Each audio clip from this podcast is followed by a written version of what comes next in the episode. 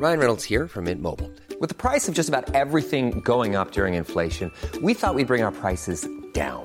So to help us, we brought in a reverse auctioneer, which is apparently a thing. Mint Mobile unlimited premium wireless. Ready to get 30, 30, bit to get 30, bit to get 20, 20, 20, bit to get 20, 20, bit to get 15, 15, 15, 15 just 15 bucks a month. So, Give it a try at mintmobile.com slash switch. $45 upfront for three months plus taxes and fees. Promo for new customers for limited time. Unlimited more than 40 gigabytes per month. Slows. Full terms at mintmobile.com. When you're ready to pop the question, the last thing you want to do is second guess the ring. At Bluenile.com, you can design a one of a kind ring with the ease and convenience of shopping online. Choose your diamond and setting. When you find the one, you'll get it delivered right to your door. Go to Bluenile.com and use promo code LISTEN to get $50 off your purchase of $500 or more. That's code LISTEN at Bluenile.com for $50 off your purchase. Bluenile.com code LISTEN. Hold up. What was that? Boring. No flavor. That was as bad as those leftovers you ate all week. Kiki Palmer here, and it's time to say hello to something fresh and guilt-free. Hello Fresh. Jazz up dinner with pecan-crusted chicken or garlic butter shrimp scampi. Now that's music to my mouth. Hello Fresh. Let's get this dinner party started. Discover all the delicious possibilities at hellofresh.com. oss. Så man fick ju fan hicka. Hallå! Hej! Inspelningen. Ja, inte nu. Inte nu. Fan vad gott! Jag bara kommer in Ja, kom in, Ja, kom in. Du kan, du kan få snacka lite bara. Snacka om Elfsborg. Hur- eller Borå- Elfsborg. Boråsan vet du. Hur fan gick det för dem mot Djurgården senast? Ah, det gick sådär. Först, först,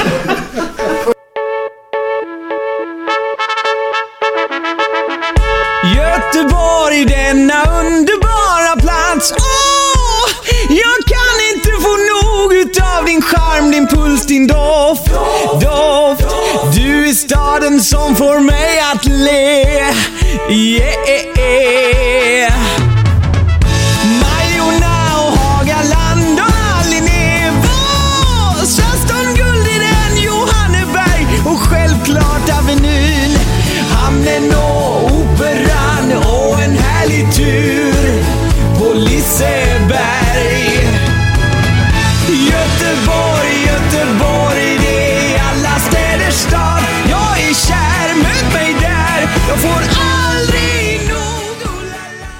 Tjenare! Det var Glenn här.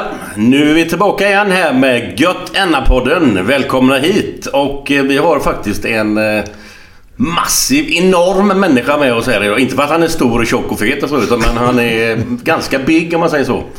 Han heter Ola Serneke och är huvudsponsor för både Blåvitt och Frölunda. Välkommen! Tackar, tackar, tackar, tackar.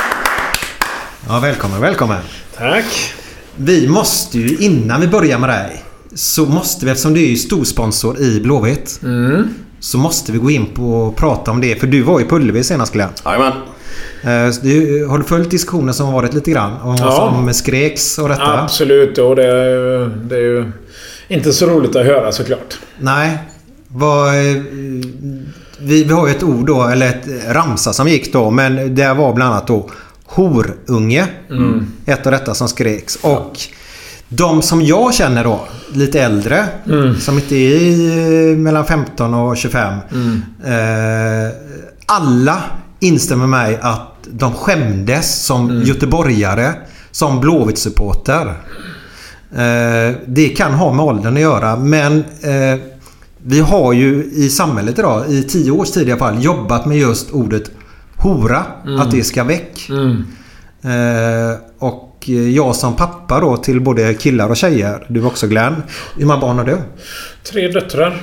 Ja. Mm. Som alla tre har varit med på matcher också för övrigt. Ja. Så trots att de är 3, 5 och 10 så har jag tagit med dem dit. Och, Men de har inte upplevt något skit eller? Nej, sen nu... nu jag, de har ju missat, missat det, hemskheterna. Men, men däremot är det klart att eh, Eh, en match eh, när de var med när det var bengaler och det rök som rackans då. Så det är klart att då, då var det ju lite...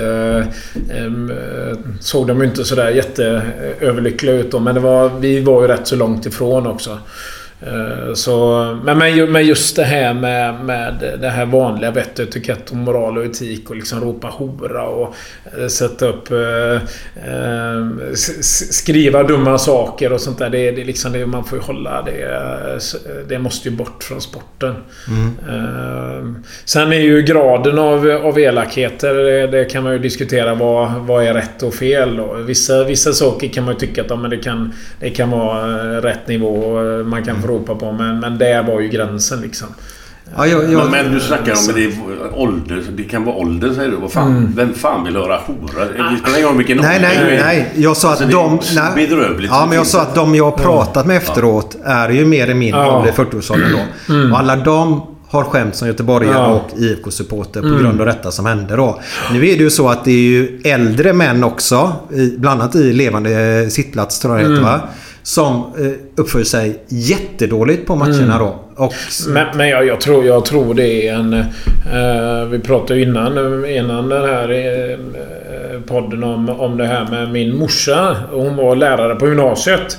Och de sista åren hon undervisade där eh, så, så berättade hon ju för mig eh, hur det hade ändrat sig, karaktären på eh, alltså, eh, vad man sa och inte sa till varandra. Och just det här ordet hora var ju totalt för, för 20 år sedan så fanns ju inte det att man sa det till någon eh, som var lite äldre. Men det var mer eller mindre ett, ett allmänt eh, ord som användes hela tiden. Så jag tror, jag tror eh, snarare att det, är en, att det är en förändring också i, i lite grann i samhället. Att man tillåter eh, dåliga ord användas eh, i lägre åldrar. ja. Eh, hade jag sagt så när jag, när jag gick på gymnasiet eh, på 80-talet då hade jag nog fast mig för att eh, kvar, kvarsittning och eh, avstängningar och... Men sånt händer ju inte idag. Man är, man är ju lite för slappent och då det är klart att då... Då kommer ju vidare i samhället längre upp i åldern också såklart då. Och, det, och det här när min mor sa det så var det kanske 10 år sedan eller 15 år sedan till och med då. Och det är klart att de har ju blivit äldre och, och har ingen sagt till dem att det här är helt fel att säga. Eh, Om man fortsätter och ser det som ett allmänt ord så är det klart fasen att då, då hänger det kvar. Så den är... Det är en samhälls, samhällsförändring helt Ja. enkelt som man måste stoppa. Jag Helt tycker det är så rätt. jävla tråkigt det här med... För att supportrar, alltså, utan supportrar är man ju ingenting. Så Nej. det som är det, Nej. jag älskar supportergrejen alltså. Som den är, när det är normalt. Ja, ko- kolla matcher där du, inte får spela för publik. Ja, Hur jävla ja. roligt är det? Nej. Den är och ju, och det, det är klart att det, dit, får vi inte gå. Även det här med bengaler. Jag tycker det är skitfräckt alltså. Ja. Fälla Ja, på kvällstid då liksom. Om bara de sköter det alltså, Ja. så är det ju inga problem. Jag tycker det är hur suveränt som helst. Nej, men all, Vad fan allt, ska de gå över gränser? Nu snackar vi Blåvitt här men det finns ju överallt. Kolla den Jo. Rasmus Elms grej där i Hammarby senast. Ja, men, men, jag, jag, skrämmande. tycker, men jag, jag tycker en bra jämförelse om vi nu pratar om eh, både Frölunda och IFK. Om man jämför då så ser man på hockeyn. Där är, man ju, där är man ju mer vårdad och man håller inte på att slåss och man tänder inte bengaler och man eh, har inte hejaramsor som är så jäkla elaka då. Eh, så jag, jag lite grann så tycker att man borde eh, lära, lära, lära fotbollssupportrar vara lite mer som hockeysupportrar. Eh, och där man kan stå i klacken med barn. Eh, Det kan man ju inte göra på, eh, på fotbollsmatcher. nej. Eh, Och det spelar ingen roll var man än kommer någonstans så är det ju samma sak. Det spelar ingen roll om det är i, i varken England eller Tyskland eller Polen eller Sverige. Så är det ju samma sak där såklart. Då. Så det, det är ju en mentalitet som är utbredd överallt då såklart. Då. Ja, men jag tycker det är konstigt för här i Sverige nu senaste tiden, Mm. om vi tar 7-8 år tillbaka i tiden, så har ju både förskolor, skolor, föreningsliv jobbat just med ordet hora. Mm. Ja, att det ska väck från samhället. Få väck Ja. detta. För det blev det där... Det blev ju acceptabelt till slut att alla småkillar gick och kallade alla tjejer för hora. Exakt. Det är lugnt Ola. Eh, och, men helt, helt plötsligt då när man kommer in på en fotbollsarena, då är det helt plötsligt okej. Och jag har väldigt svårt att förstå det för jag har ju döttrar också då. Ja. Och jag tar inte med min Tuva nu som fyller 10 här nu då. Mm. Eh, hur ska jag kunna förklara för henne att, att folk så ropar detta en hel match? Ja. Och då är vissa personer som brinner för denna fråga nu och tycker att det är acceptabelt att Mm. eh, det faktiskt... eh, Det finns en bakgrund till att de skrek detta Mm. nu då. Eh, Men bakgrunden gör inte att eh, acceptabelt att man använder sig av dessa eh, vokabulären. Nej. Tycker jag inte överhuvudtaget. Eh, för jag vill ju att mina barn ska Mm. också gå på Blåvitt. Men jag, jag Nej, men man får ju tänka detta. ett steg längre. Man kan inte tycka... Man, det är klart att internt när de står och pratar så kan de eh, försvara det kanske då. För sig själva och diskussion. Men det, det finns ju åhörare också då. Som, som lyssnar på det här och då, det är ju trots allt varumärket IFK som man ska vårda. Eh, inte att man ska tycka internt i en grupp om 20 personer att det är rätt. Det kanske de kan tycka men det är fasen inte okej om man nu ska vårda varumärket IFK och eh, eh, gynna ungdomen. Nej. Så eh, fasen, stopp med det. Det är ju liksom vett och etikett bara så... eh, Mm. Mm. Du läste ju han Elms eh, eh, Ja, jag läste krönika här nu ja, Glenn. Vem var de? Det vet jag inte vem det var Elm, men var det Rasmus Elm? eller David, det? tror jag var. David, David. Som värmde upp uppe i... Han värmde ju upp på kanten Mm. uppe i Stockholm. Inte om du läste det men... Nej. Han värmde upp mot Hammarby. Ja. Och fick ju alltså... Ja, typ mordhot och grejer. Och han- de skulle Ja. slakta hans familj och det var så... Vad är det för jävla människor som Och det här är läktaren? två- Visst, de kan... Ja, dra åt helvete. Okej. Men Ja. vad fan... Ja. Sen är det bra liksom. Vad fan? Ja. Jag fattar inte vad grejen är. Nej. Han frågade om man fick byta, kan, till lite han, eh, den eh, vad heter det, assisterande domaren, om man kunde få byta ställe. För han kände sig hotad liksom. Nej, nej, nej, du kan inte gå dit bort, det får jag göra här då. Och fixa in lite vakter då. Ja. Ja, då skulle de göra det. Så kom det en gubbe och så snackade med någon och sådär. Hände ju inte ett Nej. Nej. Nej men det, ska det, man är, tra- det är tragiskt. Det är man värmer upp. Alltså det är inte klokt. Detta hatet som faktiskt har uppstått och det är ju inte bara i år här nu om man säger. Det börjar ju för ett Mm. tag sedan faktiskt. Och det blir och mer hatiskt på just fotbollsarenor. Mm. Och jag gillar det här rått men hjärtligt. Ja, det där gamla Ah. hedliga Mm. Göteborgsandan Mm. som egentligen Mm. fanns. Som håller på att försvinna därifrån. Eh, och sen gå på dessa här killarna då. Som sitter i den här lilla minibussen då. Ja. Eh, ja, jag tycker det är skamligt faktiskt. Ja, det- det, det måste jag få Nej, det, nej, det måste vara eh, hårt eh, tillbaka där. eh, Och BB-podden Glenn, jag måste bara säga det. De två, de eh, Piff och Puff där, de håller på att försvara detta ut i Ja, fingerspetsarna. det där men... På grund av att när Blåvitt är nere i Malmö till exempel då, då Mm. skri- skriker Malmö horungar till Blåvitt. Ja, men det är och då, och då är det acceptabelt. dum, dummare liksom. Det är ju... Det Ja men varför ta efter det Ja, för? Och så just det där, nej men det har skrikits det förr på fotbollsarenan. Ja men då är det väl dags att ändra på det då. Jag blir tokig! För att vi är på vägen. Och sen, sen så undrar vi varför, det inte kommer mer folk. Ja. Det är ju på grund av att det sker detta hela tiden. Kan vi inte gå dit och bara ha lite kul? Alltså samarbete, klacken är det bästa som finns Ja, när den är som bäst. Det har jag hyllat Ja. i den här podden hur många gånger som helst. Men när folk beter sig illa på en fotbollsplan. Så jag har min eh, dotter eh, Maja som, fyller, eh, som är 13 nu då. Hon var med på en match första och enda gången. Då hamnade vi i en rusning med Djurgården. Då bär jag henne. Eh, Sen inne på arenan så är det, ja, det är kaos alltså. Rejält. Så vi går i halvlek och sen dess har hon aldrig velat gå och titta på fotboll. Nej. Men hon gillar Blåvitt. Men hon kommer inte gå dit. Eh, förra året efter det som var när de började häckla Seb bland annat. Eh, som jag också tycker är bedrövligt att man går på sina egna spelare och buar ut dem inför massa människor.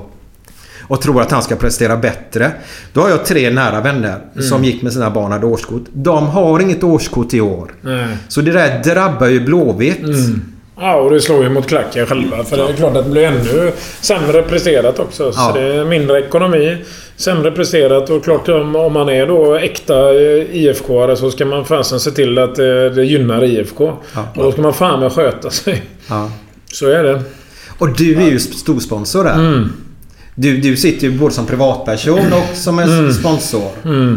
Det, det, du vill ju att det ska gå bra för Blåvitt naturligtvis. Absolut. Jo, nej, nej, nej. nej. Så, så, så är det ju givetvis. Och sen, sen, sen har ju vi... Eh, det, har ju, det är ju mycket diskussion om det där om... Eh, om man tappar sponsorer och så på grund av eh, vad klacken och sådär gör. Och vi, andra, vi vi vill ju givetvis inte att det ska ske. Oavsett att man eh, springer omkring med, med maskerade och kör bengaler och bomber och sådär. Det är ju vi ju så långt ifrån det bara kan bli. Men vi, våran sponsring är ju mot IFK. Och vi vill ju snarare hjälpa till mera för att få bort det. Så våra... Det finns ju inga tankar på att vi skulle säga nej till sponsring på grund av det. Nej. Utan det är väl snarare så att okej, då kan vi väl hjälpa till med mer medel i så fall för att få de, de här personerna som inte sköter sig att sköta sig. Antingen via eh, juridiskt lagligt att plocka bort dem eller att man får snacka dem till rätta på ett eller annat sätt. Och det, det vet jag att det pågår ju hela tiden. Eh, diskussioner eh, så, så att eh, det ska bli bättre. Mm.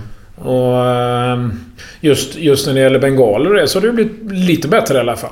Det är ju inte alls som det var för, för ett år sedan. Eh, och det, det tror jag gjorde bra där. Både att, eh, jag menar högst med Björn Eriksson och de reagerar hårt. Mm. Eh, Sen, sen kan man väl tycka att det är lite larvigt när, när de kör med maskerat och så, och så skriver de “Tacka kryphålet för, eh, Ja, just för burka, burka, icke burka-krav”. Då. Så det, Ja. den blir väl... Men det, det, var, det, kan, det kan man ju faktiskt sett som rått, men, men eh, hjärtligt. Ja, den är ju den, den, den, den kan faktiskt, den kan faktiskt... Men, men andra sidan så blir det ju lite...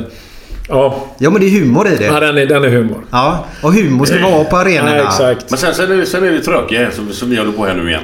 Vi har sagt detta hundra gånger tror jag. Ja. Men det är, de här 99 procenten som sköter sig, de får Ja. fan ingen credit någon gång. Nej. Utan det är det där jävla dreglet som ställer, som ställer till ett helvete Ja. varje gång som man diskuterar. Jo, men det har... Alla de andra är ju fantastiska. 99% sköter ju det.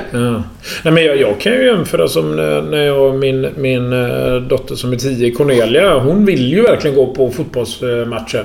Hon, hon, är, hon gillar ju den här stämningen som blir. Den positiva stämningen som blir. Alltså eh, sången. Är, är, vet, det är klart att det är ju så att det, man ryser. Eh, Och det är klart att det vill man ju få med barnen på att de får samma känsla. Och den, den är svår att slå.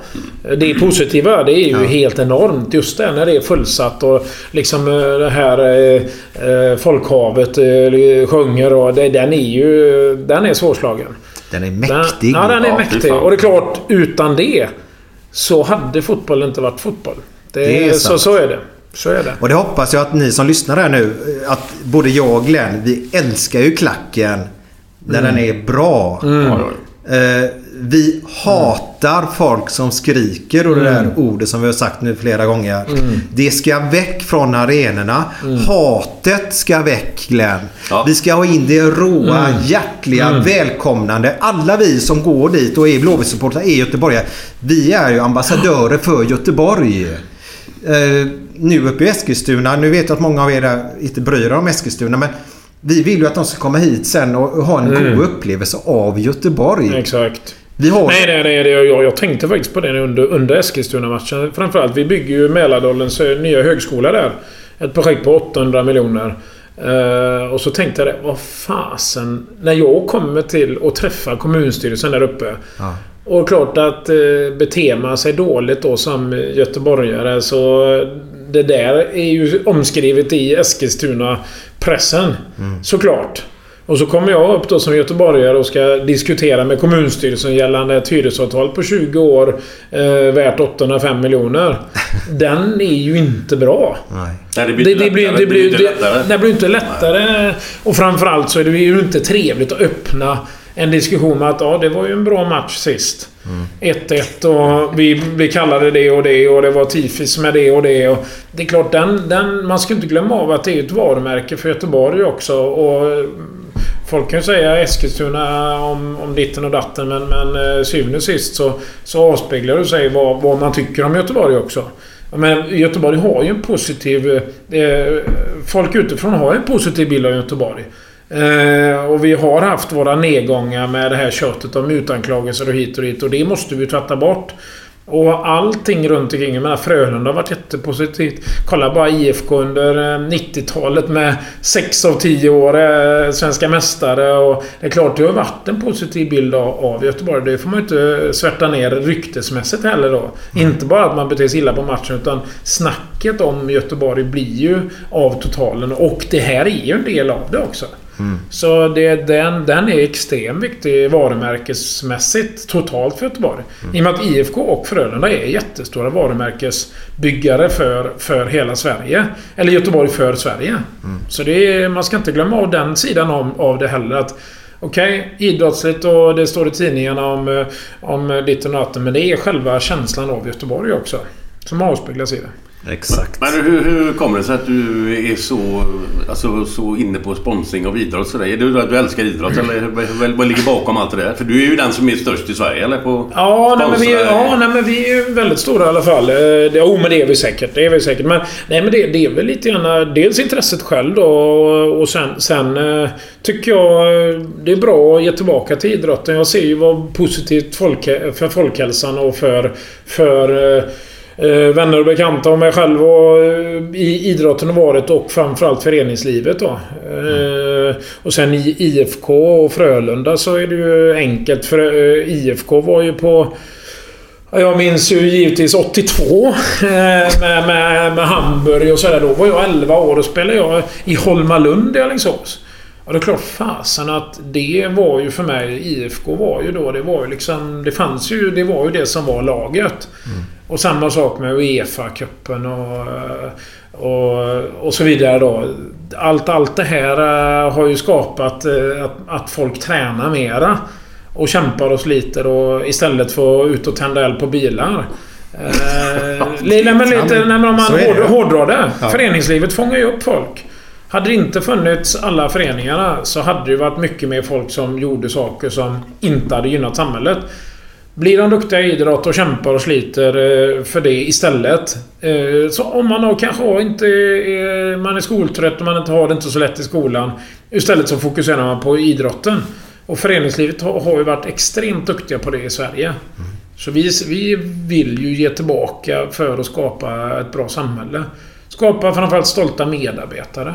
Som ser att fan, Serneke satsar på idrotten och jag är ledare i, i oavsett fall det är Värmdö IF eller fall det är IFK eller fall det är Alingsås handbollsklubb eller Frölunda eller vad den är. Så vi sponsrar ju över 100 föreningar. Jag tror Jag skulle 100 fråga hur många håller du Ja, typ 110 eller någonting sånt där. Jag tror jag det är totalt då. Och det är ju allt ifrån eh, jättesmå föreningar, klubbar eh, till stora då såklart. Då. Men vi skapar stolta medarbetare, vi ger tillbaka till samhället och framförallt att Framförallt att vi bidrar, bidrar till, till att folk eh, som har det eh, hamnar rätt helt enkelt. Och det ser, det ser vi, det hjälper ju. Så det är... Ja, nej men det... det det måste ju kännas jävligt eh, maffigt på något sätt. Man måste ju vara jävligt sådär, stolt. Eller, men hade jag tjänat enorma pengar så hade jag ju försökt Mm. göra ungefär likadant. Alltså, för jag menar, att, att kunna hjälpa till på det sättet och ha möjlighet att göra det måste ju vara grymt alltså. Det är det, det som är mest glädjande. Det var som vi pratade om innan. Liksom det är det när folk... eh, Vi eh, har ju massa biljetter till, till eh, matcherna och så här. Och där folk liksom är stolta över att jobba hos oss. Och så få gå på matcher då. Det är ju det... Den, den tycker jag är extremt eh, tillfredsställande. Och ha den hela tiden eh, positiva känslan hos medarbetarna då. Att de, de har möjlighet till det då. Och vi, eh, vi eh, hjälper ju till allt ifrån eh, eh, att, vi, att vi givetvis har våran, våran eh, hjälp till eh, träningskort och sådär till startplatser i olika lopp och sådär och arrangerar. Senec IF, våran idrottsförening, hjälper till att eh, ha träningsläger och allt möjligt då. eh, I alla, massa, alla möjliga sporter då. Vadå? Du förklarar. Har, har du en egen idrottsförening? Eller? Ja, Okej. så vi har, en, eh, vi har en egen förening då, Senec IF, där folk tävlar och tränar i då. Genom föreningen då? Ja, precis. Okej. Så man, man är medlem i, i föreningen och så kör man eh, cyklar och skidor och allt vad det... Men är det någon typ korpverksamhet eller? eller? Nej, nej, Utan nej. Utan det, det, är snarare, nej, men det är snarare att eh, vi har, eh, vi har en förening som är registrerad och så att vi kan ha gemensamma träningar och träningsläger och, och, och tävla då på olika, olika sporter. Så jobbar jag hos dig säger vi och jag har ett intresse vi säger för bågskytte. Ja. Då hade jag kunnat vara med i Serneke IF, ja. och, och eh, hållit på med bågskytte. Ja. Fan vad häftigt. Mm. Så, det, så vi har inga, in, inget att man inte får... Eh, eh, någon sport är borttagen eller sådär utan... Eh, och sen hjälper vi då till med... med eh, sponsrar vi... Serneke Group sponsrar ju Serneke IF. Ja. Inte så oväntat då. eh, och, och i sin tur då så fördelar vi medel i Serneke IF ut till de olika aktiviteterna då. Så vi eh, indirekt då eh, sponsrar ju den föreningen. Ja. Och som i sin tur då sen hjälper till med aktiviteter eh, utåt till de anställda. Eh, och det kan vara, det kan vara allt från beachvolleybollturneringar till, till som sagt då skidor och, och bågskytte till och med då. Ja. Men det är för att eh, ni vill att folk ska kunna vara igång och sådär? utan Ja. Det är inte för Ja. att är, någon ska komma avancera i, Nej, nej, liksom, nej. nej då, då, har vi, då har vi teamen istället då. Så, Ja, då har vi, ja. så vi, spar, vi har ju två team eh, i... Eller tre team har vi ju egentligen som är mera av proffskaraktär då. Det är ju på skidor och eh, cykel och mountainbike. Jaha. Så vi har ju Team Serneke i längdskidor. Och där har vi ju... Det är ju proffs, mer, mer eller mindre proffsåkare som kör då. Och sen har vi Team Serneke Allebike då som är mountainbike-cykling. Tillsammans med Allebike då som är en cykelsäljare. De har eget märke och cykelmärke. Oj. Eh, Och där har vi även en, en förening som heter Team, eller Serneke Allebike cykelförening då. Cykelklubb. Så då kan man träna i våran förening och sen träna så man blir så duktig så man kommer upp i teamet.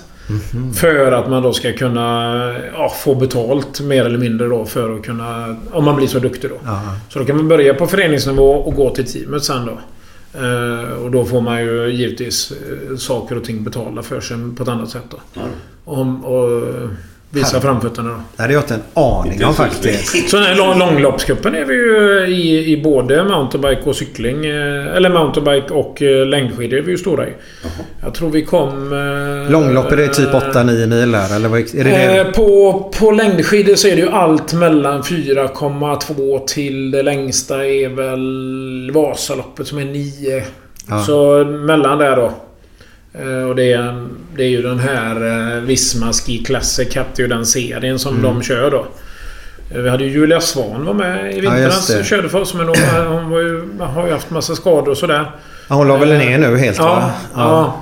Nej, hon, hon eh, har ju haft problem länge. Mm. Som från och till då. Med skador Så- och skit. Ja, det var ju den tvaren också. Ja, hon hade ju haft sen? såna konstiga... Jag pratade med henne om det där och hon, det är klart att det, det sätter sig lite grann på psyket det där också. Det är inte det lättaste att eh, känna sig 100% hela tiden då. Och det blir lite grann... Om man har den känslan så är det ju lätt att man, att man då känner efter lite extra och kroppen blir lite klenare immunförsvarsmässigt också då. Häftigt. Men Glenn. Det är ju fredag. Yes!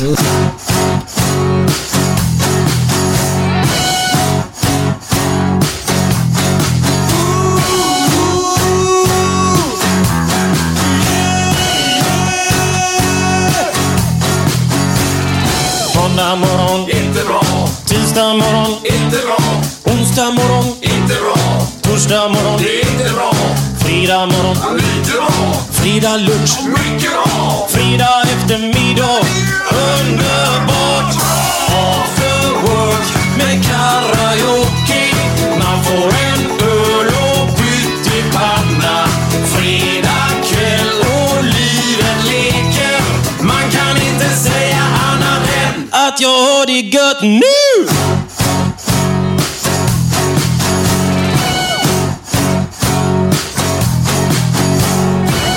Måndag morgon, inte bra. Tisdag morgon, inte bra. Onsdag morgon, inte bra. Torsdag morgon, inte bra. Fredag morgon, lite bra. Fredag lunch, mycket bra. Fredag eftermiddag, underbart. After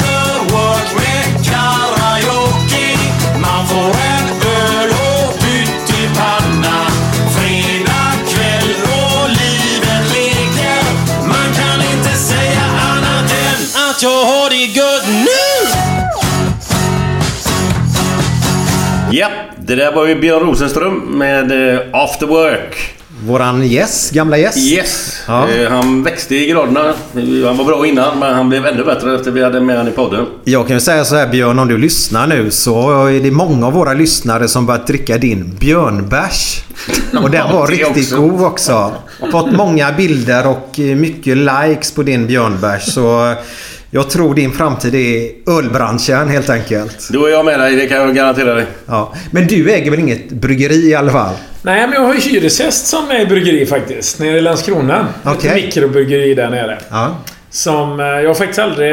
Jag har inte varit där sedan de flyttade in. Men, men ska tydligen vara riktigt, riktigt bra öl. Mm. Eh, och... eh, de vill ju expandera också så de... eh, Ja. Så de är Okej. hyresgäst till oss bara där nere. Men vi måste börja tillbaka här nu. Mm. Vi, vi- vi är ju väldigt intresserade av eh, att vi överhuvudtaget sitter på det här stora fina kontoret. Mm. Men hur, hur börjar ditt liv? Jag, jag är född i Alingsås eh, från början. Eh, och Mm. Är det växte- 71 då, eller? Ja, 71. Eh, uppvuxen där och eh, gick både grundskola och gymnasium. Sen så blev det ju Chalmers efter det. Eh, Vad var det för linje då på Chalmers? Eh, gick väg och vatten. Eh, först hade jag faktiskt en session där jag läste vanlig byggnadsingenjör först då på 89-90 där. Mm. Eh, sen så läste jag lite på pedagogen, metodik och didaktik och lite sånt där. Didaktik, det? Ja, nej det är egentligen utlärningsförmåga och... Eh, Utlärningsförmåga av olika slag. Jaha, okej. Metodik då och Okej. didaktik.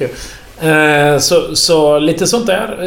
Eh, och sen så, så jag hade faktiskt en, en idé om att bli lärare först då. Men eh, sen, sen jobbade jag ett halvår som lärare.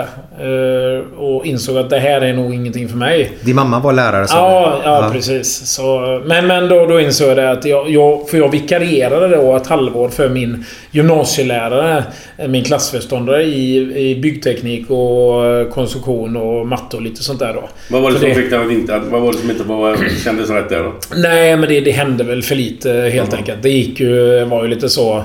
eh, Kändes som en pausfågel när man gick omkring där. Det var, det var, det var lite... Det gick lite för långsamt. Men å andra sidan så... Eh, ska man ju högakta de som jobbar som lärare. För det är ju det absolut viktigaste yrket vi har nästan. Det och polis är ju liksom... Extremt eh, viktigt att det fungerar eh, för vår framtid då. Nej men och sen, sen så... Sen läste jag vidare på väg och vatten. Fortsatte. Eh, och eh, mm, jo, det var klar i mitten på 90-talet där. Och då eh, hade jag turen faktiskt att bli uppringd av, av Peab. Eh, som frågade om inte jag ville börja hos dem. Mhm. Eh, och då var det ju den tiden då det var fullständigt noll att göra i våran bransch. Det var ju... Alltså... Fullständigt stiltje. Det var 95 sa du va? Ja, eh, och så... Så då började jag där. Och så jobbade jag... Först gjorde jag... Eh, jobbade en, en sommar och sen så fick jag...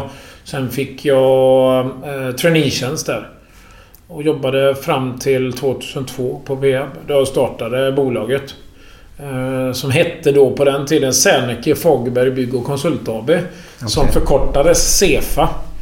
Eh, Men då när du startade det är jag väldigt Mm. intresserad av Mm. Startar du det med anställda direkt eller hur, hur, hur såg själva... Mm. Alltså precis första dagen. Mm. Hur såg det ut då? Nej, då, då anställde vi ju ett, antal personer då. Så vi var väl totalt eh, tio man eh, Du, rätt så du, snart. du då. säger vi. Ja, jag och Andreas Fagerberg. Var det en gammal kompis eller? Ja, så det var en, en, eh, en gammal kollega i branschen kan man säga som jag lärde känna på, på PM-tiden. Eh, Andreas eh, köpte jag ut 2007 för han var lite mer inne på mark och maskinsidan då. Så han köpte jag ut och då köpte han in sin maskinborrningsfirma och en entreprenadfirma istället. Eh, Helt eh, överenskommet. eh, Och det var, det var väl lite grann också att jag ville ju eh, gasa på och bli större och, och Andreas eh, tyckte det att ah, men jag kan nog nöja mig med den här nivån. Så vi gjorde det helt efter att eh, överenskommelse. Eh, nej, och, och, eh, nej, och sen, sen eh, som sagt då, så vi anställde ju in ett antal fo- folk först och började med ett antal... Vi byggde om eh, Omvägen och Birkagatan och Södra vägen åt Knut Hansson Fastighets AB var våra första jobb. Omvägen över Kallbäck? Jajamän. Eh, Så det var, det var våra första projekt och då var det vindsbyggnationer vi började med först. Okej. Eh. Bygga lägenheter på... Ja, på tak då. Mm. Och, eh, nej, och sen expanderade eh, allt eftersom. Eh, vi började mm, redan tidigt med projektutveckling så jag köpte fastigheter och utvecklade och sålde. Bostadsrätter och vanliga fastigheter. Vilket har varit en väldigt bra, bra eh, mellanting för oss att både hålla på med projektutveckling, fastigheter och bygg och anläggning. Då. Så det, och det är ju våra fyra huvudgrenar idag. Eh, Bygg, anläggning, fastighet och projektutveckling. Så det har varit, det har varit en väldigt bra mix för oss att se, se eh, framförallt i konjunktursvängningar och framförallt även att kombinera styrkorna. Så att vi kan göra riktigt bra, riktigt bra affärer också. Mm. Projektutveckling sa du. Mm. Vad, vad menas med det? Egentligen att vi köper mark eh, och förädlar och säljer. Jag bygger och Ja. eh, sen säljer det till... Säljer det vidare då. Ja. Eller att vi söker markanvisningar för byggrättsanvisningar då. Eh, Så mycket sånt. Ungefär som, eh, som Prioritet Serneke Arena är. Det är ju ett sånt där vi bör, från början när jag började diskutera med, med Roger och Gustafsson på IFK om eh, att bygga en skola och en fotbollshall. Och så vidare utvecklas det och så började jag prata med kommunen om mark. Fråga om inte marken i Kviberg, den har ju stått där helt... Det har ju inte hänt någonting på hur lång tid som helst. Och så till slut så kom vi överens om ett avtal och sen fick vi tillräckligt med hyresgäster och sen, sen är det, ligger det under vår fastighetssida nu i dagsläget då. Mm, ja, ni äger ju den Mm. ihop med Nisse. Nisse. Nisse ja. Ja. Mm. Och... Men Eh, hur mycket... Förlåt att jag Nej, kör det. Hur mycket, mycket gör du med Nisse? Liksom, är det många olika projekt eller? Vi har ju haft mycket tillsammans. Eh, nu, nu har vi bara arenan tillsammans eh, just nu. Eh, men men eh, han har ju varit en, en jäkla bra injektion för oss på alla dess sätt. Jag och Nisse är ju väldigt, vi är väldigt olika och väldigt lika. Eh, vilket är väldigt roligt. För vi har haft... Eh, eh, både han och jag gillar att gå upp tidigt också. ja. Så vi har haft mycket, vi har haft mycket eh, intressanta diskussioner klockan sex på morgonen. Okej. Vilket är... Nej men jag, jag gillar raka personer. Jag är ju en rak person själv. Ja, han är ju också Eh, det. Och jag gillar liksom att ta en diskussion. Mm. Och så sen är det bra. Eh, Och Nils är likadan. Så jag tycker det, det... Och vilket har utvecklat också våran, våran produkt eh, mycket. Mm. Eh, På grund av att Nils har utvecklat sitt bolag på sitt sätt och jag har utvecklat våran koncern på vårat sätt. Bara förtydliga då. Nils Wiberg då. Alltså Prioritet Finans. Mm. Ja. Bara för dem Mm. när vi pratar slänger oss med Nisse här nu då. Just just. Ja. Ölen hette ju Nisse va? När var det vi hade han i podden? Det var, ett Ja, tag det var innan julen. Ölen hette väl Nisse? Ja, jajamän. Ja, som han trodde att vi hade gjort själva. vad det Det finns en öl på julöl som heter Nisse Asså, som han fick. ja, det är, ju- är, jag vet inte ifall det finns någon som heter Ola, men det tror jag inte. Nej, vi letar. Nej, vi hittar nej. inga. Men du, du, du, är- du, alltså, du är- verkar vara en sån där typ som aldrig liksom tvekar på någonting. Utan det är bara att bröta på liksom. Är det, eller, du verkar inte direkt sådär försiktig direkt. Fan, det här ska vi göra. Pang, pang, pang, pang. Nej, men jag, jag, jag tror väl snarare att jag, jag är... Jag eh, kan väl utåt sett verka sån. Men, men jag funderar ju mycket dygnet runt. Eh, Och räknar och kalkylerar och... Men, men däremot när jag har bestämt mig, då... Då är man ju svårstoppad. Eh, så, så, så enkelt är det. Och det men, men då ska man ha en... eh, Då ska man liksom veta att kalkylen håller och att det här är affärsmässigt rätt också. Och sen, sen att man är övertygad själv då. Eh, att det här, man tror på det här. Sen har man ju givetvis lärt sig med tiden också att veta vad som är, är gångbart och inte gångbart. Jag säger ju nej till, till 90% av de sakerna som man diskuterar. Men 10% och- men de kör ju stenhårt istället då. För att få... För, för att exekvera och leverera. Eh, så, så där är jag... Där är jag väl väldigt tydlig om man nu säger det lite snällt då. Ja, rak. Eh, Jag kan, kan tänka mig det. ja, är, ja. är, är du en jävla tuff förhandlare? Nej, Sibbe, det, det, vill jag väl eh, kanske inte säga egentligen då. Eh, Det, det får man fråga dem som är på andra sidan. Men, nej, men jag, jag är väl väldigt eh, noga med vad jag tycker.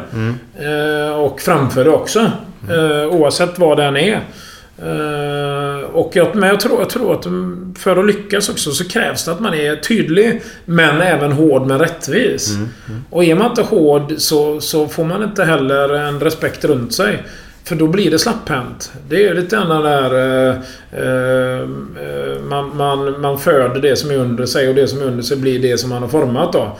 Eh, och formar man det så som man är själv och de ser upp på en som en... Som en... Eh, som släpper saker. Då, då blir det ju så neråt också.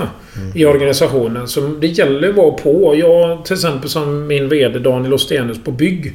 Vi har ju fyra dotterbolags vd Och det absolut största segmentet är ju bygg. Eh, entreprenad. Och hade inte Daniel varit så rackans på.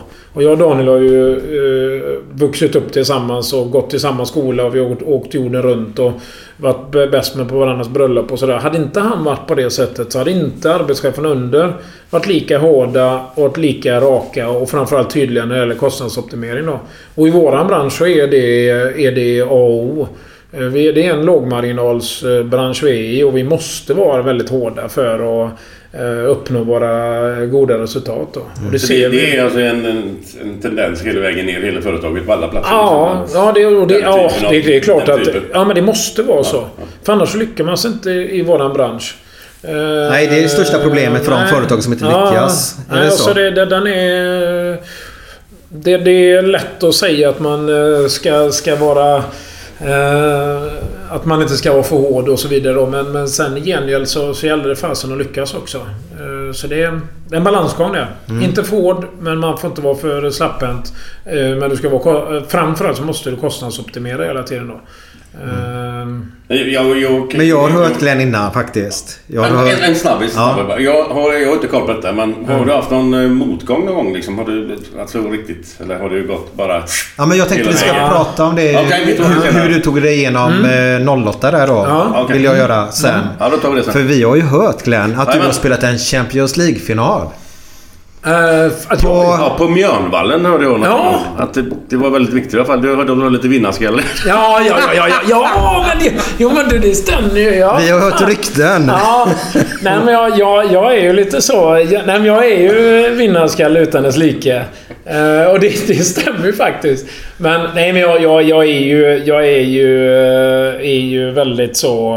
eh, På i alla lägen. Och framförallt när det gäller tävlingar och sport.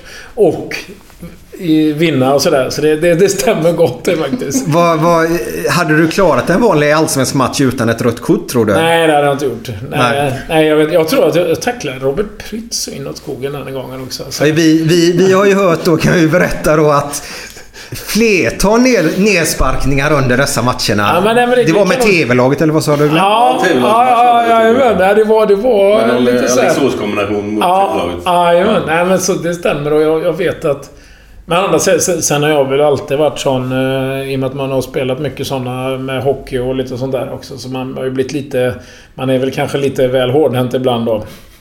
Och sen, är, sen har man ju tyngden med sig. Ja. Så får vi skylla på det. Men, men, men Glenn presenterade dig som icke-tjockis i början och stod... Ja, fast jag har ju tyngden med mig då. För- Och då, då får man ju säga att jag är inte Ja. tjock men jag är tung då. Tjock benstomme. Ja. Ja, vad häftigt. Men kan, vi- kan vi gå in på det direkt? För du äger ju ett imperium idag, tycker jag Glenn. Mm. Eh, äger du bilfabriker också? Är det inte fabriker nu? Men jag har för mig att du byggde, nu måste du rätta mig här, eh, ut mot Kin- Kina någonstans. Mm. Någon, någon eh, hittade det bilpark? Sju, men- sju, sju bil ja. I Kinna. Hittade den sju och... Sju och bil ja. För Där är vi delägare. För det, för det stod det på din bil som Ja. står där utanför. Ja, jajamän. Ja, men så är det ju. Och- Så det, där, där är vi delägare. Och Ni är delägare där? Även, den anläggningen där. Vad är det för bilar som säljs där? Det är eh, en del exklusiva bilar. Eh, Nej, det är, det, är bara, det är bara inriktat mot eh, exklusiva bilar. Så det, och det är väl ja, det är ju ett, en hobby kan man säga också då. Eh, Som jag, som jag har haft ända sedan barnsben. Eh, Tyckte det var väldigt roligt med bilar och, och sådär. Men heter det sju och bil? 7H. Sju. 7H-bil. Stod det bak på regg... eh, Ja. Jaha, det är ju något jag märkte. Nej, du- men det, det, split vision, Glenn. För, för, för sådana som är bilälskare så, så vet många om det bolaget. Ja. Eh, För de har mycket sådana Ja. Ferrari och Porsche och Lamborghini och sånt där som vi säljer då. Ja. Så det, det är en sån, en Ja. sån eh, hobby som jag har då. Och sen så han som är delägare där, eh, eller de som är delägare är riktigt eh, bra folk också. Ja. Eh, så det, det föll sig naturligt. Det funkar bra. Ja, nej, nu, nu är inte jag inne i det dagliga där överhuvudtaget givetvis då. Men, men däremot så eh, större saker, investeringar och sånt, är ju, då är jag ju med. Men, men annars så är man mer, mer eh, åskådare och eh, får rapporter bara. Ja, ja. Men, det, det, men men det, är, det är inte våran daily business heller utan det, det är en... Nej, men du har ett genuint intresse. Oh ja, oh ja, det kan jag inte säga något annat. Bilar överhuvudtaget Ja, eller? ja. Det, det, det var väl ända sedan barnsben också. Sådär. Man, man var, tyckte sånt var roligt. Och... Så det... Gillar du motorsport och sånt också? Eller? Ja. Formel Alltså, 1 kör och en, grejer? en, enduro kör jag ju. Jaha. Ska köra Gotland Grand National i sommar. Ja. Eh, tänkte jag till exempel. Oj. Så kör lite sådana. Eh, Där har man ju sen goa minnen från Sportspegeln, Mm. söndagar. Eh, Enduro? Le- Nej, lever- också. länge. Ja. Ja, där. Ja. Vad heter det? Novemberkåsan? Ja, heter det inte Ja, så ja, också? mm. Ja, ja. Det, ja, det, är- det är en sån riktig... Novemberkåsan är nog eh, Ännu värre. mandomsprov nummer ett. Det är så. Är det på. Gotland? Nej, Nej. det, är, Fan, det, är, det är. Gotland Grand National. Det är Jaha. den tävlingen. Ja. Så Novemberkåsan går lite på olika ställen. Men, det, men den, den är... Den är väl typ 20% av de som startar som genomför det. För den, det är en riktig sån... Ja, de kör väl hela eh, natten nästan Ja, också? va? och så flera dagar. Och så Ja. slu, det är... Ruggig påfrestning för Ja, tänker nej, det vet Ja, i slutet. Du är sönderkört. De står ju i lera upp till, till ljumskarna för fan ja. Och såklart att har du då kört ett antal timmar och så står mitt i natten och så kallt och så... Det, det, det, ska man göra någonting som är jobbigt så ska man köra enduro.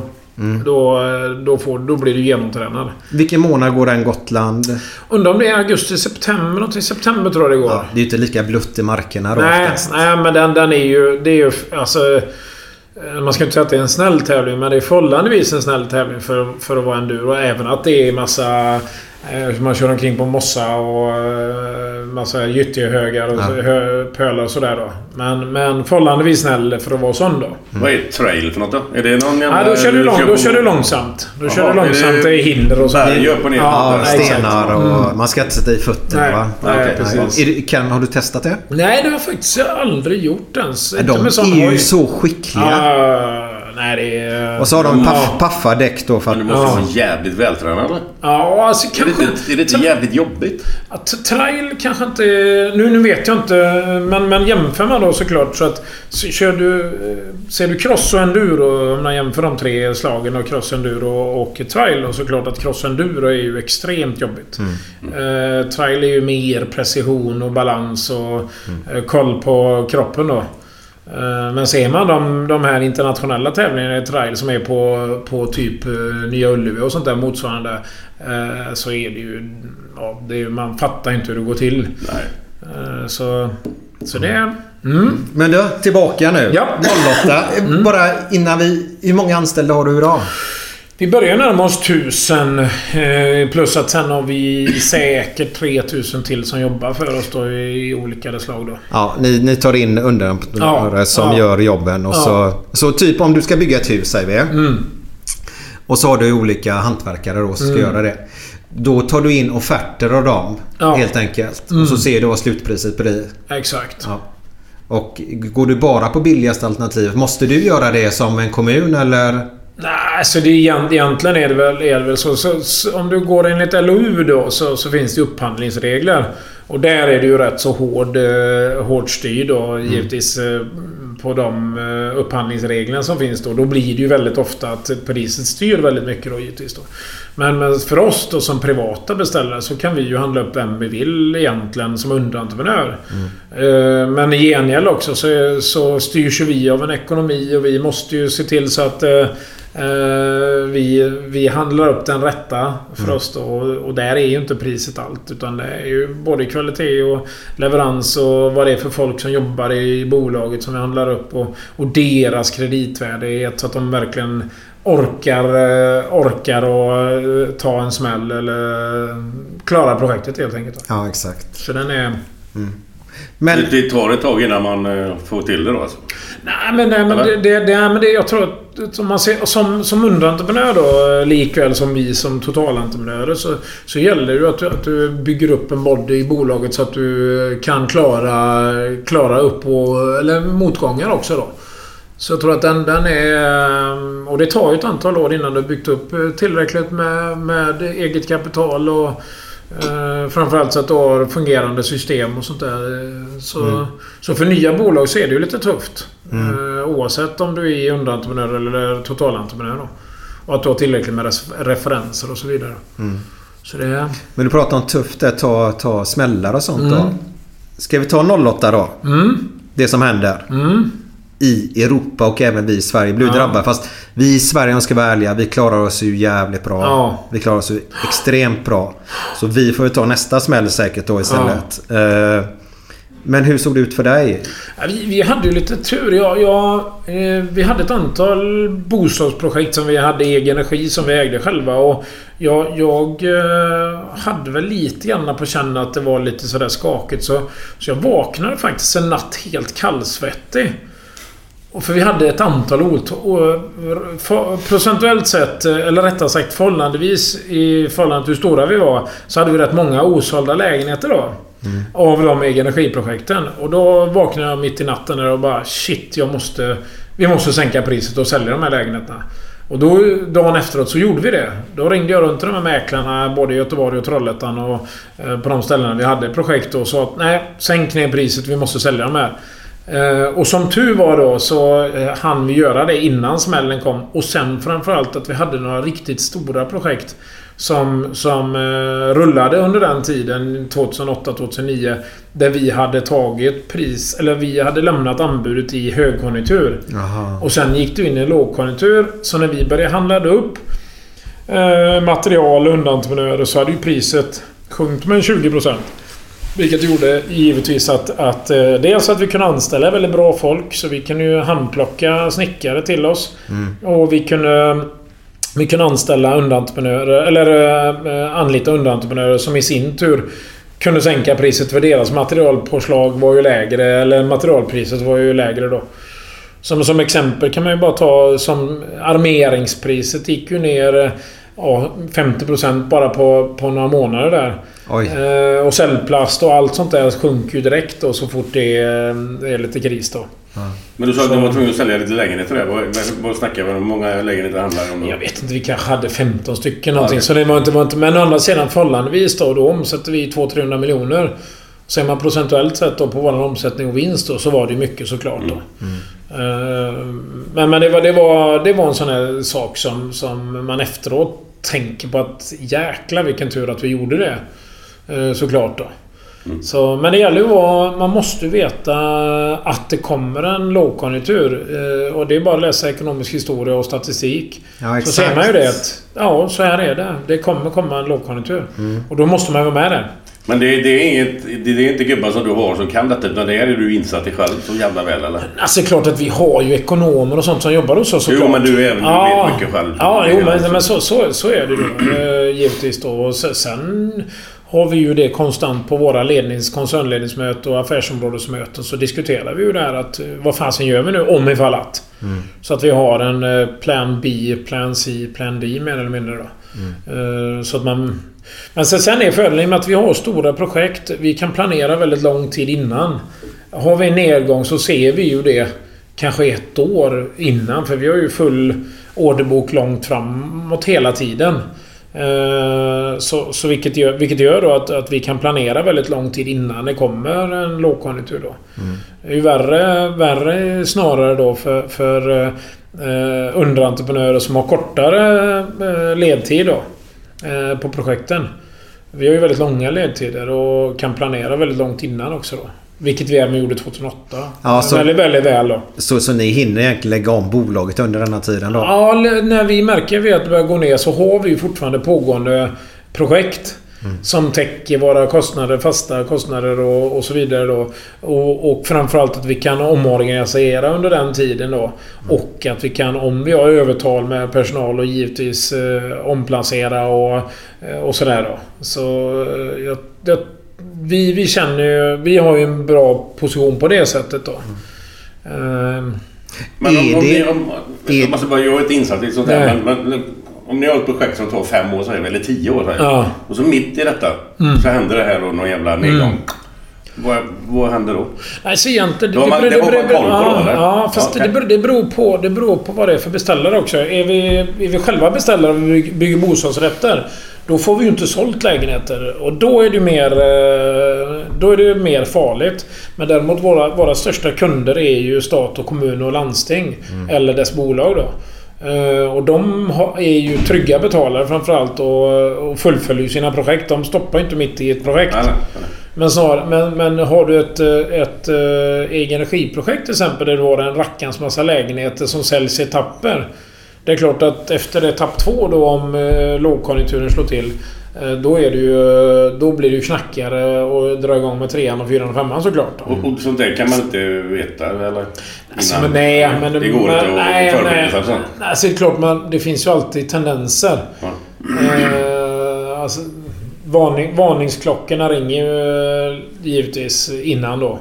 Eh, men sen andra sidan så man har ju inte slutat att bli förvånad. Eh, hade någon sagt till mig att räntan skulle vara minus eh, för 10 år sedan eller 15 år sedan så hade man ju bara skrattat. Att det där hände ju inte oss liksom.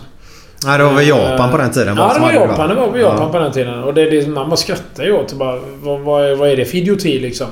Det kan ju aldrig hända. Och så händer det i Sverige. Så, så där man...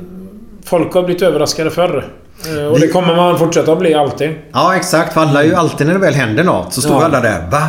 Ja. Det, rätta mig om jag har fel nu. Mm. Jag personligen upplever att eh, inom bygg i alla fall idag så är det en eh, extrem högkonjunktur just nu, eller?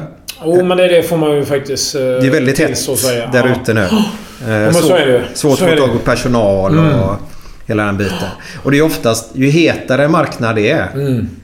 ju, ju närmare kommer man väl oftast en liten dipp. Ja, nej, men så, så, så alltså det, det, är ju, det är ju bara att, återigen att kolla statistik. Givetvis, eh, ju hetare det blir desto större sannolikhet är det för att det ska braka ihop. På grund av att allting har gått upp väldigt högt i pris. Vilket gör att det blir väldigt känsligt var räntan tar vägen då. Så eh, i och med att prisnivåerna höjs, eh, alla lägger på lite mera, lönerna glider lite mera. Och slut, slutpriset då mot bostäder framförallt då, på, lägger man ju på momsen till råga på allt också då. Är ju ännu... Så, så den... Själva produkten vi levererar blir ju mer känslig ju dyrare den blir. Och kopplat till räntan då direkt då. Och ändrar sig ränteläget och eh, bostadsmarknaden inte är förberedd på det. Så blir det ju... eh, Fallet blir ju eh, ännu djupare då såklart då. För då, då, blir, då är våran prissättning helt fel då istället då. Och det var det vi slapp där 08 då när då Ja. hela medelhavsländerna, Irland bland annat. Spanien, Spanien, Spanien, och ja. Italien. Och Ja, Span. Spanien skänkte man ju mer eller mindre bort lägenheter eh, under Det- den tiden. Det var som vi gjorde på tidigt 90-tal här i Sverige. Ja. Då skänkte man också bort bostadsrätter Ja. för en krona då. Ja. Bara någon hyrde dem i alla fall. Exakt, tog avgiften. Ja. Ja, det var riktigt... Eh, Och där kommer du in 95 då på Peab då. Ja. Efter den dyningen. jag vet, jag stod eh, jobbade som eh, plåtslagare på, på, Ek, eller på Skogsbergs plåtslageri när det var som värst där. Eh, hjälpte till på, på somrar och sånt där. Och då det gick, gick riktigt åt fanders där 91. Det var den härliga yuppie-nalletiden, eller vad Ja, hette det? ja, ja. Som kraschade sen då.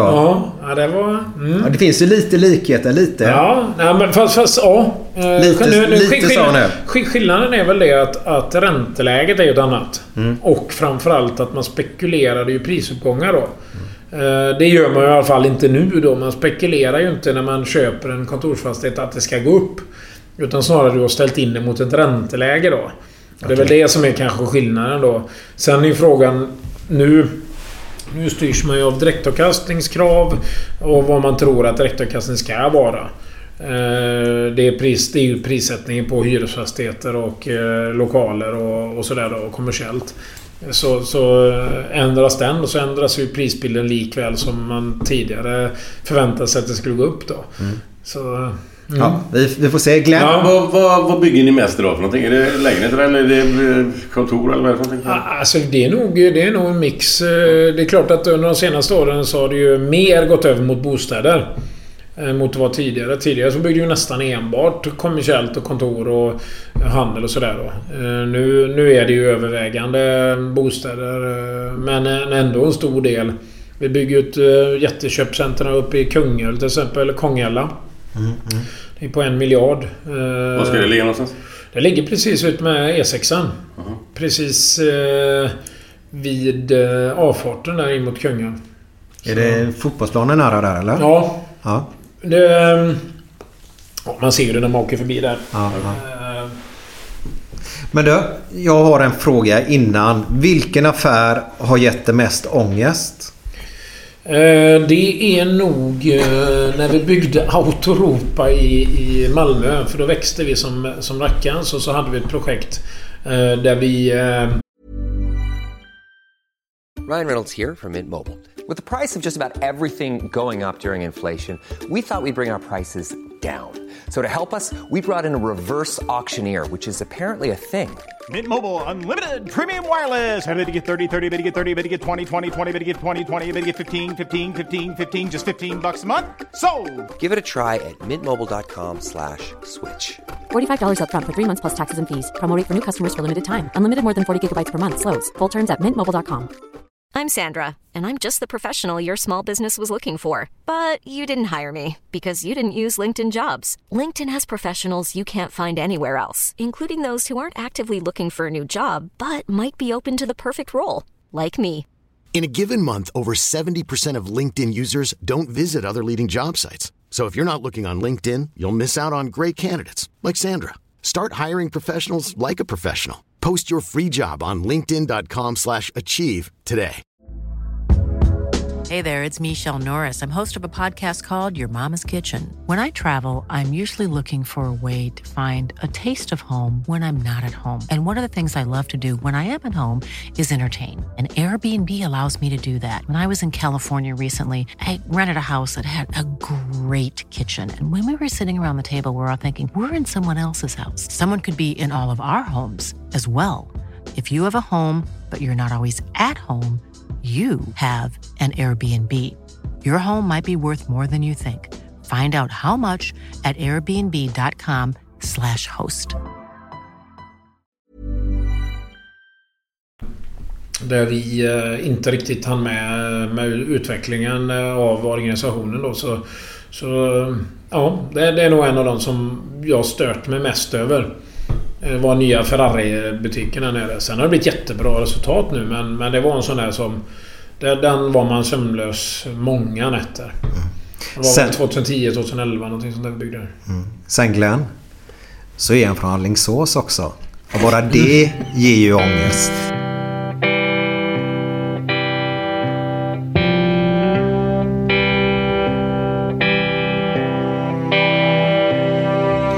Fem på morgonen i New York City går en man i en sliten gammal hatt. Sveper rocken kring den tunna kroppen, huttrar till. Det har varit kallt i natt. Ser en strumpa sticker ut ifrån hans sko. Vandrar vidare men utan framtidstro.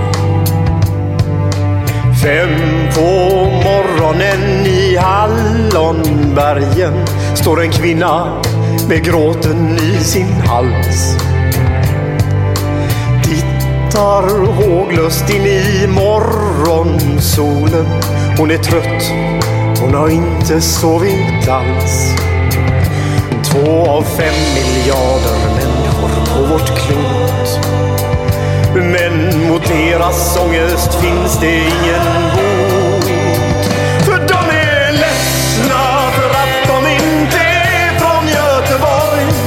De kan inte se hur Gustav Adolf pekar på sitt torg.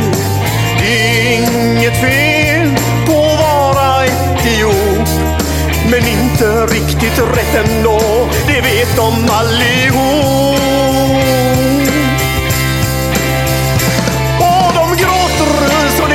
Det när de får en mindre syn av hur vi som är från Götet tar en öl på Avenyn.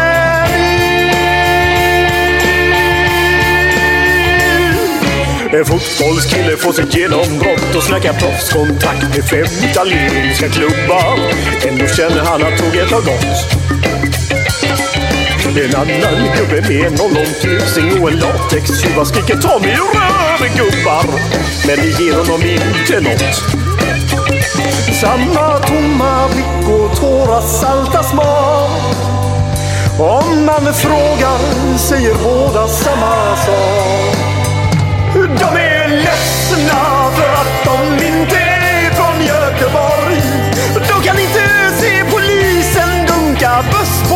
på torg. Det är inget fel på att vara från Mölndalsbro. Men 14 stopp med fyran svider mer än man kan tro. Och de gråter och slår det krampar när de får en mindre syn. av hur vi som är från Götet? Har vi vi som är från Götet? Ja, det här var som vanligt eh, jävlar anamma. Men de är ledsna. Den är fortfarande lika bra. Bra Glenn! Ja, jag kommer ihåg den också. Ja. Det är inte dumt. Och snart har vi kört ett helt år. Ja, Så då Grymt. sitter den som en smäck. Ja, undrar vad vi har då på programmet. Och årsdagen. Ja, det vet Får jag. vi se. Ja, får ni se då. kan vi inte berätta. Så det är bara två program kvar. Sen har vi ett Final. år. Fyller vi. Och du startar ju, nu känner jag mig dum, men 02 säger jag. För det var Mm. det du sa va? Mm. Och 07 så gjorde du och din polare. Mm. Eh, gick åt varsitt håll. Japp. Och sen har det växt. Och sen ganska tätt inpå ändå, ett år senare, så kommer ju den lilla kraschen då. Ja. Men det är, ni blir ju inte drabbade på det sättet. Nej, nej, vi klarar oss väldigt bra eh, ifrån det. Och sen, och sen framförallt också får man ju säga att det... Jämför med Danmark till exempel i bostadsbranschen. Där var det ju fullständigt kaos. Sverige klarar sig ju relativt bra eh, i förhållande till andra länder då. Eh, Sydeuropa var ju värst då men... men eh, eh, eh, Danmark, Danmark var ju eh, illa ute. Riktigt illa ute. Sverige, Mm. Sverige var ju... Klarade sig bäst kan, Ja, ja. kan jag tänka mig i Europa. Men Ja, du för- verkar inte vara den typen som är rädd för att misslyckas direkt. Men vad fan, du trampar på alltså. Nej, men, nej, men, nej, men så är det. Det, kanske är därför, det är väl därför det går som det gör Ja. antagligen. Att, Nej, men jag, jag, tror, jag tror man måste, man måste ha det mindsetet också att, att eh, erkänna att man har fel. Ja. Alltså vågar man inte säga att äh, fasen, jag är ju helt korkad. Eh, vågar man inte vara sån så, så lyckas man inte heller. För de, de här som, som eh, hela tiden ska ha rätt. Eh, de lyckas inte att växa med bolaget eh, tillräckligt för då, då ska man hela tiden försvara sig själv. Utan man måste erkänna att ah, men det, där, det där blev inte bra. Och så får man lära sig av det istället. Och sen rätta till det. Och framförallt eh, erkänna också att äh, det här var helt åt pipan det jag gjorde nu. Men så där gör vi inte igen. Och så kör man vidare. Så jag tror att det, det är ju viktigt att ta lärdom av sina misstag och lära sig av det då. Mm. Och ge fasen att göra det igen helt enkelt. Mm. Du verkar ha väldigt kul här för din vice VD var här inne precis Ja, nu. ja. Han höll på Elfsborg Glenn. ja, det kan ju inte han hjälpa. Det är han la full som. Ja, tydligen. Ja, han är ju, han är ju boråsare så vi får, vi, får, Ja. vi, får, vi, får, vi får ha förståelse för stackars Mikael. eh, I hans levande. Men eh, ni verkar ha väldigt kul här på kontoret. Vi sitter Mm. ju nu i en... Ja, den utsikten här från ditt kontor Mm. är ju fantastiskt fin över våran lilla... Ser rätt över till SVTs eh, det här glaskomplexet på andra Ja. sidan på Hisingen. Rätt emot. Vart- Kan du berätta var vi sitter i? Vi sitter i Sjöbefäl, gamla Sjöbefälsskolan, byggd 1862. Eh, som skänktes av Dixon. Eh, byggdes då som lärosäte. Eh, var en skola, flickskola tror jag till och med var. Eh, Okej. När det startade. Och sen har det sedermera varit eh, Sjöbefälsskola och ÅFs huvudkontor i Göteborg. ÅF flyttade sen ut 2011-12 till, till Mölndal då. Mm. Men, Och då, då så flyttade vi in. Ja, för du berättar ju här Mm. eh, att det, blev, det var lite grann efter den där lågkonjunkturen som var Mm. så, så gick du in och köpte det här.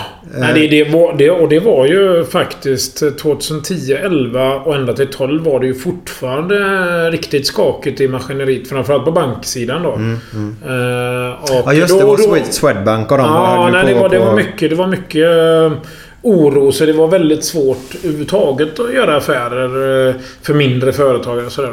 Men då, då gick vi in och köpte eh, fastigheten eh, 2011-12 där. Men alltså då ska jag fråga. När det då är så skakigt. Mm. Vad är det som gör att du går in och köper den då? Ja, men bara jag- att jävlas på något sätt eller? Bara... Nej, nej, nej, nej, nej, det var... Det var nej, men, nej, men det var nog... Det var nog ja, nej, men det var nog snarare så att jag, jag var väl en av de eh, få då som såg att det här kan bli riktigt bra. Eh, och eh, vi hade långtgående planer på att det skulle bli en skola. Men eh, sen blev det lite eh, grus i maskineriet med den förhandlingen. Så det slutade med att eh, vi istället eh, eh vände och körde på kontorsinriktningen då. Och då tog vi upp diskussionen med, med både och de hyresgästerna som sitter i huset då med Qualicys och Wingroup och EO Games bland annat då. Och sen, sen framförallt också att vi såg att det här kan vi paketera, bygga om. Och vi hade en, en eh, tagare som var eh, kommande tagare som fastighetsägare som passade oss bra också då. Så då hittade vi en lösning. Eh, där vi sen då eh, eh sålde vidare så att, så att eh, en långsiktig fastighetsägare tog över och vi blev hyresgäster. Eh, så det är ett sånt idealupplägg egentligen. Så som vi jobbar. Att vi hittar någonting som är intressant. Vi hittar en långsiktig tagare. Vi är med eh, i början och styr upp allting så att eh, vi tycker att det känns bra. Och sen lämnar vi över när allt är klart då till, till en långsiktig förvaltare som, som passar in i den rollen då. Mm. Så... Det var, nej. det, var det där med utvecklings... Projektutveckling ja. Projektutveckling, Ja. ja. Men det är väl det där återigen det där då att du, du är inte rädd för att misslyckas. Nej. Men det kunde ju gå åt helvete lika gärna då. Ja, fast då hade vi eh, plan A, B, C. Vi kunde gjort lägenheter, vi kunde gjort det, vi kunde ställt om det till, till eh, van, vanliga kontor. Och, så, så då såg vi att men här, här blir det omöjligt att misslyckas. Eh, I och med att vi hade så många, många fallback solutions eh, bakom då. Så, eh, och framförallt läget. Det är ju bara, det är bara att titta ut. Ja, så ser man ju att den, den... Vem vill inte sitta här? Eh, Så, och det insåg vi att det här kan man ju inte misslyckas med. I så fall får, får ju jordklotet sluta snurra och det... det Allt kan hända. Allt kan hända. Ja. Men det är inte våra problem då. Nej, nej, om den nej. nu skulle sluta snurra. Nej. Men du är uppvuxen eh, granne med Johan Elmander. Jajamän. Stämmer Spelade detta? fotboll med honom när han var liten. Nej, det var faktiskt rätt roligt. När, när vi var små så sprang ju han omkring när han... Han eh, var knappt högre än bollen, eller på att säga, och spelade fotboll med oss när vi var små. Mm. Så, så vi är uppväxta tillsammans där. Eh, sen om än vi... Det är ju stor åldersskillnad på oss såklart. Ja, Men nej, vi är han vi är får- Nor- Norrby, Alingsås. Vad är han? 35, 37? Oh, något sånt där. Det är han. Så eh, sympatisk familj, hela familjen. Mm. Eh, Patrik spelade ju även i AIF för några, några år därefter när jag... Ja, som jag sitter i styrelsen. Så det, det har varit en... Det har varit en bra... Du, är, är det sån... Eh, vad ska man säga? Eh, alltså, hur säger man det? Rivalitet emellan klubbarna i Alingsås? Ja, Eh, Gärs- som- Gärsken och. Ja, ja, ja. Gärsken och Holmen. Holmen, Ja, ja, ja. Alltså är det, är, det, är det verkligen så? Ja, Eller är det jo. bara snack? Nej, men det, det är klart att det, det, det är väl en sån klassisk... Eh, ungefär som det har varit i Göteborg att man ska ha ett, ett gemensamt Alingsåslag. Det har ju diskuterats hur länge som helst. Men i syvende och sist så, så är det svårt att få till det för att det finns de här gamla anorna då. Men AIF är ett jättegammalt lag. eh, Gärsken och Holmen också. Eh, Man har sina arenor, eh, Holmalyckan och Gärskavallen och sen Mjölnvallen då. Mm. Är ju väldigt anrika fotbollsarenor då. Om än väldigt olika. Så, så, och då blir det ju givetvis mycket snack innan när det är derby såklart då. Eh, Så, så, vilket är väldigt roligt också då. Ja, jag Så tänkte säga det. Det är Det är ju skitkul. Ja. Jättebra. Bara det inte blir löjligt liksom. Nej men så, så, det är ju aldrig på... Det, det är klart, sen, sen kan det vara lite grann, det, det vet ju vi då. eh, I och med att man är insatt i just AIF där också. Att det, det blir ju lite ryckande i folk och sådär. Och så ska man ha en, en överenskommelse och sen kanske det inte riktigt blir så då. Det är klart, då blir det ju... Då blir det ju... eh, Då tar det ju hus i helvete då, såklart. så, men, det- men det är ju lite grann, lite som vi pratar, rått men hjärtligt liksom. Eh, Det kan bli lite sånt där då. Men det är, det är ju skoj också. Det ska ju vara så. Det ska vara lite tjuv och rackarspel. El- Elmander måste väl varit en av dem som... Nu kan kan inte jag Glenn, glöm inte nej, den. Men han, med alla klubbar han har varit i. Ja. De har ju fått en viss del Holmalund varje gång han har stuckit iväg någonstans. Så de måste ju ha tjänat en jävla massa pengar på honom alltså. Ja, nu kan jag inte bakgrunden där givetvis, men, men är avtalen skrivna rätt så borde det varit en bra, varit en bra utveckling där. Ja, men det är så här- Nej, men, men så, så är. Det, men det är ju även upp... När du spelat en klubb fram till 13 där så Ja. får den klubben varje gång du gör en ut, Mm. övergång så får den något utvecklingsbidrag. Ja. Tror jag det heter. Ni har lite sådär. Men Mm. det är upp till 30. Du, ja. Så många klubbar idag eh, eh, vill ju ha sina barn kvar i Mm. föreningen fram till 13. Det är Ja. just där den stora pengarna Ja. delen då. Men det är många som har levt på det på, på många år. Så det, men i och för sig, det är ju, det är ju, mer, det är ju rätt. Ja. Det är ju, Ja, den, är ju, den är ju är helt rätt. den. Ja, ja, absolut. Så det... Men vi har en fråga till dig från en lyssnare. Mm. När ska du bygga en ny ishockeyhall för Frölunda? Det ska Navia med nu då. Du, vi sitter faktiskt och har en diskussion med det just nu eh, i eh, pratande stund, eller på att säga. Eh, Vi ska träffa kommunstyrelsen nästa vecka. Mm. Framföra våra åsikter. Mm. Eh, Vi håller på med eh, eh, med de diskussionerna med de olika parterna såklart. Och sen så ska ju kommunstyrelsen bestämma hur de ska gå vidare och hur upplägget ska bli. Så vi är ju, ingen, är ju inte part i målet än. Och ingen är ju part i målet än. Utan det är ju kommunstyrelsen som ska bestämma det. Ja. Och förhoppningsvis så, så har man något beslut hur man ska gå vidare i höst. Mm.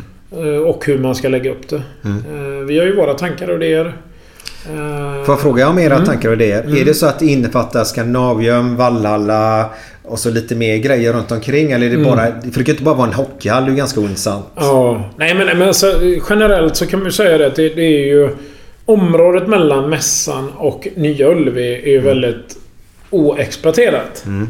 Och där finns ju en jättemöjlighet att, att utnyttja de ytorna för att eh, få ett övervärde eh, på fastighetsbildning. Och klart utnyttjar man det rätt då så, så kan ju eh, kommunen och exploatörerna göra en bra affär men man skapar även en arena.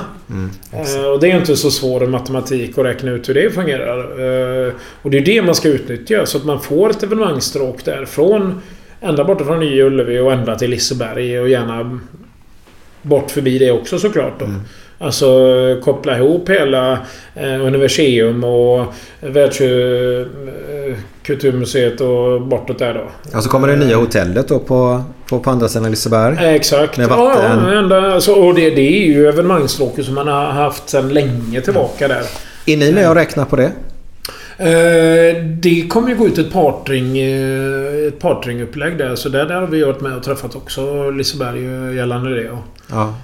Är, är, är det eran uppgift att hålla koll på alla nya grejer som är på gång? Eller skickar de ut? De vet om att Sefa, eller Sefa förlåt. Serneke nu då som det Ja. heter.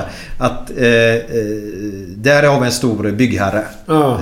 Dit skickar vi då så får de räkna på det. Eller hur funkar Det är ju lite olika tider.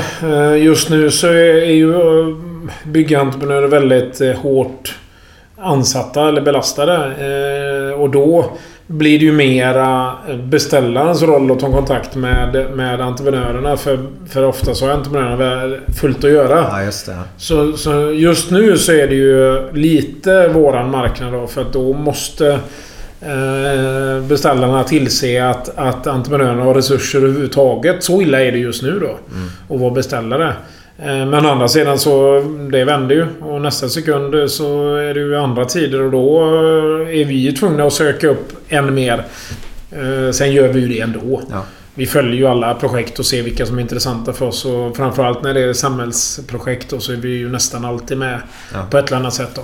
Vad var där med kommunstyrelsen som du sa Mm. ni ska träffa där? Mm. Hur, hur, alltså, känns de mm, som att det är någonting på gång? Eller vacklar de? Eller hur, hur känns Nej, det har, ju varit, det har ju varit en utredning sedan eh, 2011 när Framtiden gjorde en utredning om arenaläget. Och, så, så att alla är ju rätt medvetna om det här. Att det är eh, dags. Ja, ja, ja framförallt att det ska göras någonting. Mm. Så den här arena-diskussionen har pågått länge. Och eh, framförallt att både kommunstyrelse och politiker i övrigt eh, plus eh, de olika bolagen, Gotevent och AB Framtidens bolag och sånt där är ju fullständigt medvetna om vad som vad som saknas och vad som eh, behövs. Och det är bara att man måste, man måste få ihop det i ett sammanhang så att det blir hållbart både ekonomiskt och att man tillgodoser alla, alla eller göteborgarnas eh, inställning också då. Och åsikter då. Eh, Så man får med allting samtidigt. Eller så mycket som möjligt. Man kan tillgodose så mycket som möjligt. I samma veva då. Hur, hur är läget med den här skyskrapan på Hisingen då? Eller det kanske är flera stycken eller? Jag Ja, kan inte exakt. ja det, är, det, det, Men hur är några, det några stycken. Där, där håller vi på med eh, eh, sista, sista delen i, i detaljplanhanteringen. Så om nu allt går som det ska så vinner det laga kraft i eh, juli. Så det är uppe i, till, till KF i maj då. Maj, juni. Juni blir det då ja. Juni blir det. För att vinna lagerkraft i juli. Och då ska vi förhoppningsvis starta och bygga i augusti, september någonting. Ja, Okej, det går så Ja, snabbt. Ja. Mm. Ja. Men då, hur, ni äger ju marken där. Mm, eller? mm. Ja. Och jag som inte kan det här och jag tror inte du kan det heller Glenn. Eh, hur, Nej, då är helt rätt. Inst- Instämmer. ja. hur, hur, hur gör man? Alltså din tanke då. Jag, jag förstår ju din tanke som du sa Ja. att det, det är ju absolut om... Du förklarade förut att ni satt på ett kontor att leta efter de sunkigaste husen på hela Hisingen. Där sitter vi. Ja. Förklarade du ungefär. Ja. Eh, Och så kände du så här att här ska vi bygga något stort. Ett landmärke för Göteborg. Mm. Och göteborgarna då. Mm. Och sen presenterar man det för kommunen då? Eller hur funkar det? Ja men så, så är det. Och det, det var ju egentligen... Jag köpte första fastigheten där 2004 och det var ju... Eh, var ju egentligen en slump att det blev så. För, för det var en, en, en kok som blev till salu och, och det var ett företag som hade gått i kon konkurs. Eh, och då blev vi intresserade av, eller jag blev intresserad av att s- titta på den här kåken. Så, och så tittar man ju då på en karta och ser liksom vad... Vad ligger den här eh, fastigheten i Göteborg? Och så inser man att ja, men det ligger ju fan i centrum. Mitt i stan egentligen. Fast det har blivit en bortglömd sida. Och då insåg jag att men fasen, här måste vi ju fortsätta utveckla och köpa mer fastigheter och utveckla hela området. För det är ju i princip mitt inne i centrum. Det är lika centralt som våra kontor vi sitter här egentligen, fast på andra sidan älven bara. Och så såg man ju då att Lindholm med Science Park börjar ju sakta men säkert bli mer och mer eh, Gör inte för attraktivt. mycket så bara. Nej. För det slår in. Ah.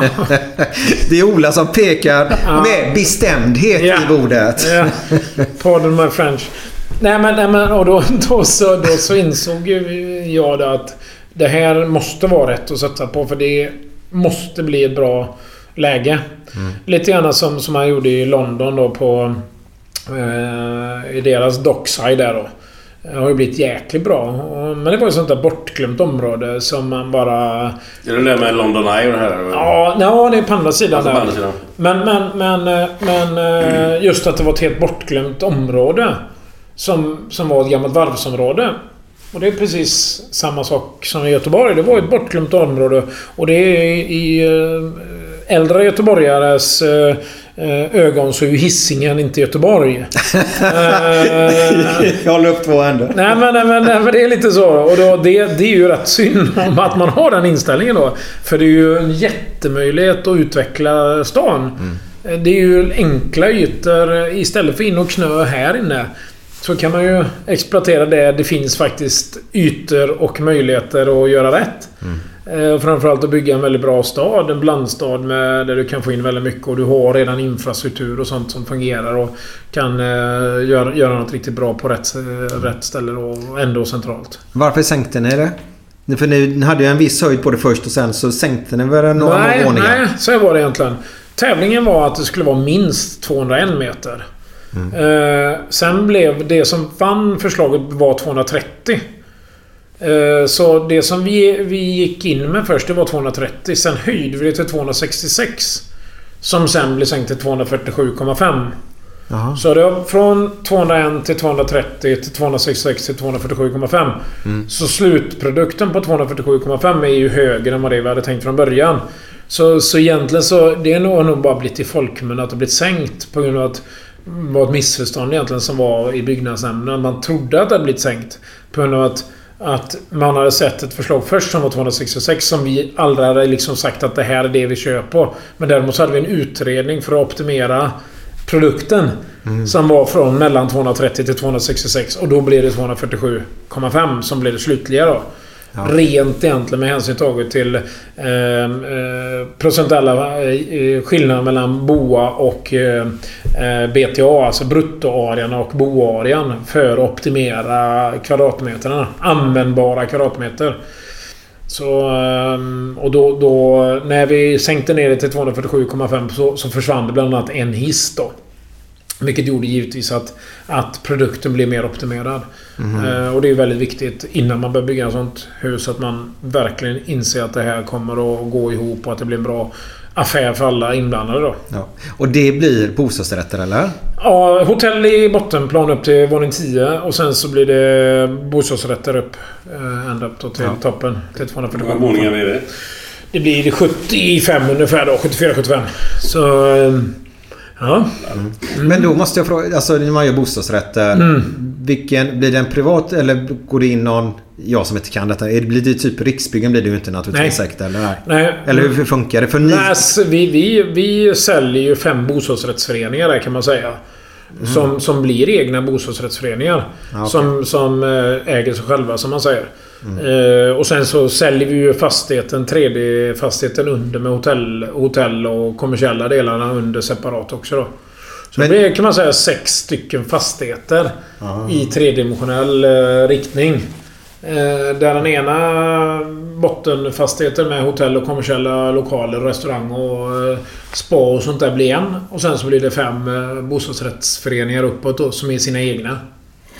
Ja, för sen läste jag något eh, om skola eller dagis eller... Ja, det blir det också i området då. Sa skulle ligga ganska högt upp. Stämmer det Ja, eller? i, fast inte i, inte i det högsta huset. Nej, okej. Utan det jätte- ligger i ett, i ett an, angränsande... I och med att det är ett jätteområde då. Vi bygger ju 2000 lägenheter totalt. Ja. Så det är ett jätteområde som vi bygger samtidigt då. Så ni hade svårt där när det var 15 lägenheter när ni växte, kommer du ihåg det? Ja, jajamän. Och nu bygger ni 2000 lägenheter då. Ja, då och så det- säger vi att det kommer en jättedipp. Mm. Skulle det vara en liten...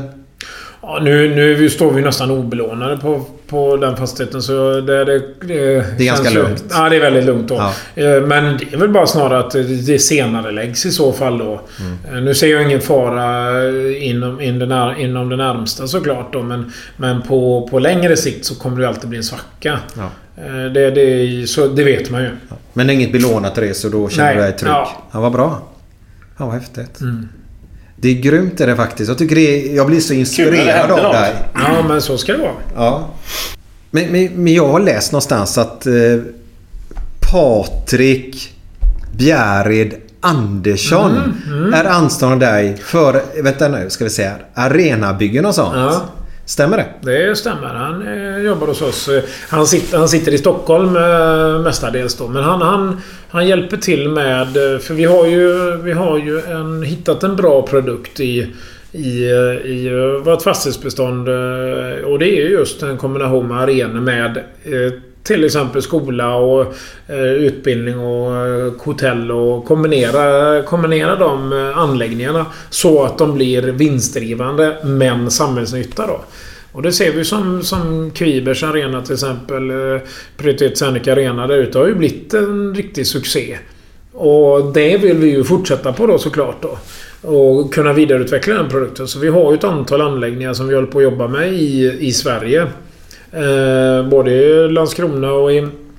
Har även diskussioner i Malmö och i, i Alingsås och Stockholm. Två stycken anläggningar och... Som ska bli liknande? Ja, det blir typ, typ liknande men kanske då in, mot inriktning kanske då mot eh, eh, fotboll, hockey eller eh, bara skidåkningen. Eller, eh, och kanske då mer övervägande del bostäder i dagsläget då för att det är väldigt mycket eh, tryck på bostäder då. Men att vi kombinerar då så att framförallt att man skapar någon, en produkt som är bra totalt sett då. Och då krävs det att du har folk som, som är duktiga på det. Och, och Patrik Patrik är ju, är ju en entreprenör eh, som, som person och är ju stor delägare i ett skol, en skolkoncern också. Jaha. Så, så han har ju erfarenhet av dels affärer och dels den typen av verksamheter och framförallt Framförallt är en, är en, eh, en duktig person eh, som som, som, som gör saker rätt. Mm. Är han också rak?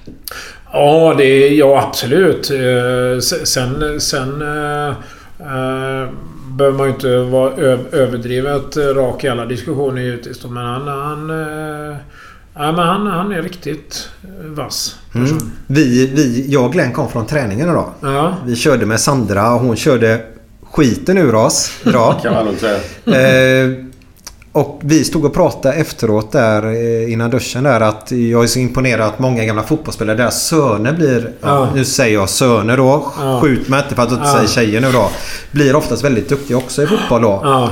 Och då, då, då säger du Glenn, ja kolla han Roy Andersson då. Ja, vi jämförde ju det men jag, jag kan inte se någon som har haft större framgång med två enskilda, att två söner liksom. För Ja. Patrik Andersson och Daniel Ja. Andersson, de har ju spelat Ja. Allsvenskan. Patrik har varit Ja. i Barcelona, Bayern München. Sen vet inte jag om han har mer barn eller de har mer barn. Nej, men det... Ja, Daniel var väl nere i, eh, i Italien va? Ja, man man- Torino säger jag. Han har ju lyckats efteråt också. Han är ju Ja. klubbchef i Malmö så Ja, att det är ju inte... så det... Nej men, nej, men de, det är... Men sen, sen är det också många, många som är, har rätt inställning i sporten och det som vi diskuterade innan här om just det här med att... Är du van vid att slita och kämpa och träna då blir du duktig även på annat. Eh, i, Mm. Du viker inte ner den här? Nej, du viker inte ner. Du liksom kämpar och sliter och i affärer... Du blir väldigt duktig på, på affärer också. På grund av att du ger dig aldrig. Och Patrik är ju en typ sån person som... Eh, riktigt sån eh, gnetvarg såklart då. Eh, och det finns ju många att räkna upp bakåt som, som har blivit duktiga på, på annat eh, än, än det man var sportutövare. Mm. Eh, efter deras karriär då. Ja, vissa är ju väldigt duktiga på det. Nej, men som klarar det väldigt bra. Håkan Mild till exempel som kämpar och sliter med... Gjort det jäkligt bra tillsammans med Katarina Melaine och Björn till exempel. Och eh, lyckas med, med det då. Brolin har lyckats Ja, bra, jag. riktigt Ja. bra. Nej, Martin men, och det- Dahlin har lyckats ja, bra. Ja, ja, ja, ja. Oerhört... eh, nej, men, men, och, det, och det gäller ju att ha den fighting-inställning. Liksom att man inte ger sig. Och det är klart att eh, många av de här har ju fått eh, utstå spott och spe. Eh, om man nu tar som Brolin helt felaktigt egentligen under den tiden han. Och sen ändå liksom bara kör på. Och löser... eh, gör, gör det bra då. Så jag tror att man... eh, Man får utstå en hel, hel del som både sportkändis och vanlig kändis som gör en att man blir starkare också. Ja, ja, för fan. Så den är... Varför är du... Eh, ja, förstår denna frågan. Varför är du ändå så... Vi, jag glöm, vi pratade på vägen hit. Så har vi ju Petter Stordalen. Ja. Eh, vi tycker ni två är ganska lika. Ja. Utifrån nu då. Ja, Det var faktiskt... Jag, jag, jag träffade Petter för inte så länge sedan. Och han sa att vi skulle vi träffas och så hade det blivit en sån eh, explosion. Ja. Men, men, eh, nej, men, nej, men, nej, men Petter är ju... Han är ju jä- jäkligt bra person tycker jag. Ja. Eh, Så... Mm. Men han är ju än så lite mer känd ut mot media lite Mm, grann. mm. Är, det ett, är det ett eget val du har gjort? Nej, men, så det, det beror ju på hur man, hur man ska förklara sin produkt också. Och det är klart att Petter, Petter då som person är väl mycket på invigningar och Mm. nya hotell och sånt där. Och, eh, jag tycker väl hellre att det är bättre att göra affärer bakom skrivbordet. Så, så kan man väl tycka då. Mm. Så, så, jag tror att sen, sen är det nog viktigt också den, den rollen han har. Att han ska proklamera för sin, sin produkt också. Ute och träffa folk. De anställda som jobbar på hotellerna och liksom lyfta det på ett annat sätt då. Men är inte ni Eh, jävligt lika i, i, i typ? Eller? Ja, jo men det Ni är väl lika gamla eller? Ja, han är lite, lite nej, äldre. nej, nej, han nej, är lite mycket äldre. äldre. Mycket äldre? Ja, men Ja. ja, hur gammal är är han han? 50? Det är jag inte. Eh, Vi hade det här en annan podd. Ja. Och då var det en av våra poddlyssnare som skrev. Och då, då sa du nej, han är långt under 50. Men han är en bit över 50. Jaha, okej. Ja, Ja. ja, men det skiljer nog lite grann. Ja, men, du är bara men, men, 45. men, ja, men, eh, nej, men det är väl alla, alla som är duktiga, duktiga på oavsett om det är sport eller vad det än är, är ju väldigt framåt och på. Man, för att lyckas måste man ju vara det. Och där är ju Petter eh, unik. Han är ju väldigt på och framåt också då. Ja, men du är ju precis Ja, likadan. ja nej, nej, men det... Jag tror... Men det gäller att ha bara sans och balans men ändå eh, vara på och framåt då så, så blir det bra. När brukar du gå och lägga dig på kvällarna? Det är väl lite olika, men jag, jag, jag har dålig... Jag har lite oroväckande när jag tittar på, på sömnstatistiken så jag har lite dålig statistik faktiskt. Ja. Det kan jag villigt erkänna. Men, men det är ingenting som stör mig heller så. Utan det blir sent och jag går upp tidigt. Så, så kan man väl eh, kortfattat säga. Men har du med, har du med dig jobbet hem?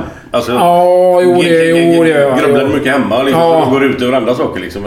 Jo, men det gör det. det och det egentligen är ju fel egentligen. Men med andra sidan var... eh, kompisar och sånt där tjatar ju på mig att jag inte ska jobba så mycket. Och föräldrar och, och sådär. Och då, men då brukar jag skoja och säga att ja, men min hobby är jobbet.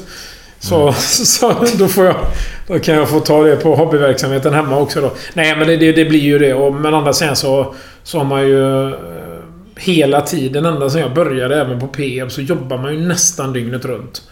Och så har man gjort hela tiden. Så det har blivit så att så är det. Jag svarade på mejl klockan... Eh, jag hade en diskussion med våran IT-chef i morse. Varför inte mejlen hade fungerat 23.02 i, i, i eh, natt då. Eh, och så tyckte jag att liksom, fan nu sitter jag här och skulle svara och bla bla bla. Och, och det är klart att... Eh, man, man är ju inne i det hela tiden dygnet runt. Jobbet. Så är det. Eh, på gott och ont. Ett mail runt 12-tiden på, på kvällen är ju inget ovanligt från din sida har Nej, jag hört. nej, faktiskt. nej, nej, det- jag, har folk, jag känner, eller känner kompisar till mig som har Ja, fått mail av ja. dig runt den tiden. Ja, 01 01 och sån där. Ja. Men det brukar vara lite så. Nej, men det, jag... jag nej, men det, det, det blir ju så. Det blir ju så. Men din fru, tycker hon det är okej? eller, eller hon köper det bara eller? Nej, nej, Eller får du dina glidningar här och där eller? Nej, nej, nu, nej men det, det, är väl, det är väl överhuvudtaget all, alla, alla som är i ens närhet givetvis kan väl kan väl uh, tycka att det är lite att man är för mycket... Man jobbar för mycket då. Uh, så, men andra sidan, andra sidan så... Det är ju lite utav baksidan och, och ska man lyckas också så... så det, tyvärr, det är, hårt, det är hårt arbete. ja, ja. Sen gäller det att fokusera som barnen framförallt då. När, när jag har barnen då försöker jag fokusera på dem så inåt rackarns liksom. Eh, så, så den är viktig. Att man liksom vågar och ta det. Eller vågar. Se till att ta tid för sina barn då så att inte de ser en själv som... Jag vet ibland när min dotter säger, tjatar på liksom... "Äh, Håll inte på med telefonen nu liksom. När min dotter säger det till mig. Mm. Ja, klart, då sitter jag och mejlar då givetvis då. Och det är klart att då, då får man ju ta sig en tankeställare att nu, nu måste jag ägna tiden åt barnen liksom. Så då brukar jag eh, framförallt göra saker med dem. Åka och bada eller åka ut och tälta eller ta husbilen och åka någonstans då. Det är ju liksom... Hur gamla är de? 3, 5 och 10. Jävlar, det är Ja. full speed. Ja, så den är...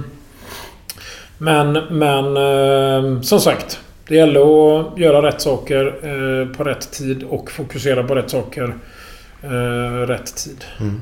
Är det mer barn på gång? Nej. Nej, Nej. det är glatt. Nej, det vet man aldrig. Men, men nej. Nej, inget planerat i alla fall. Nej.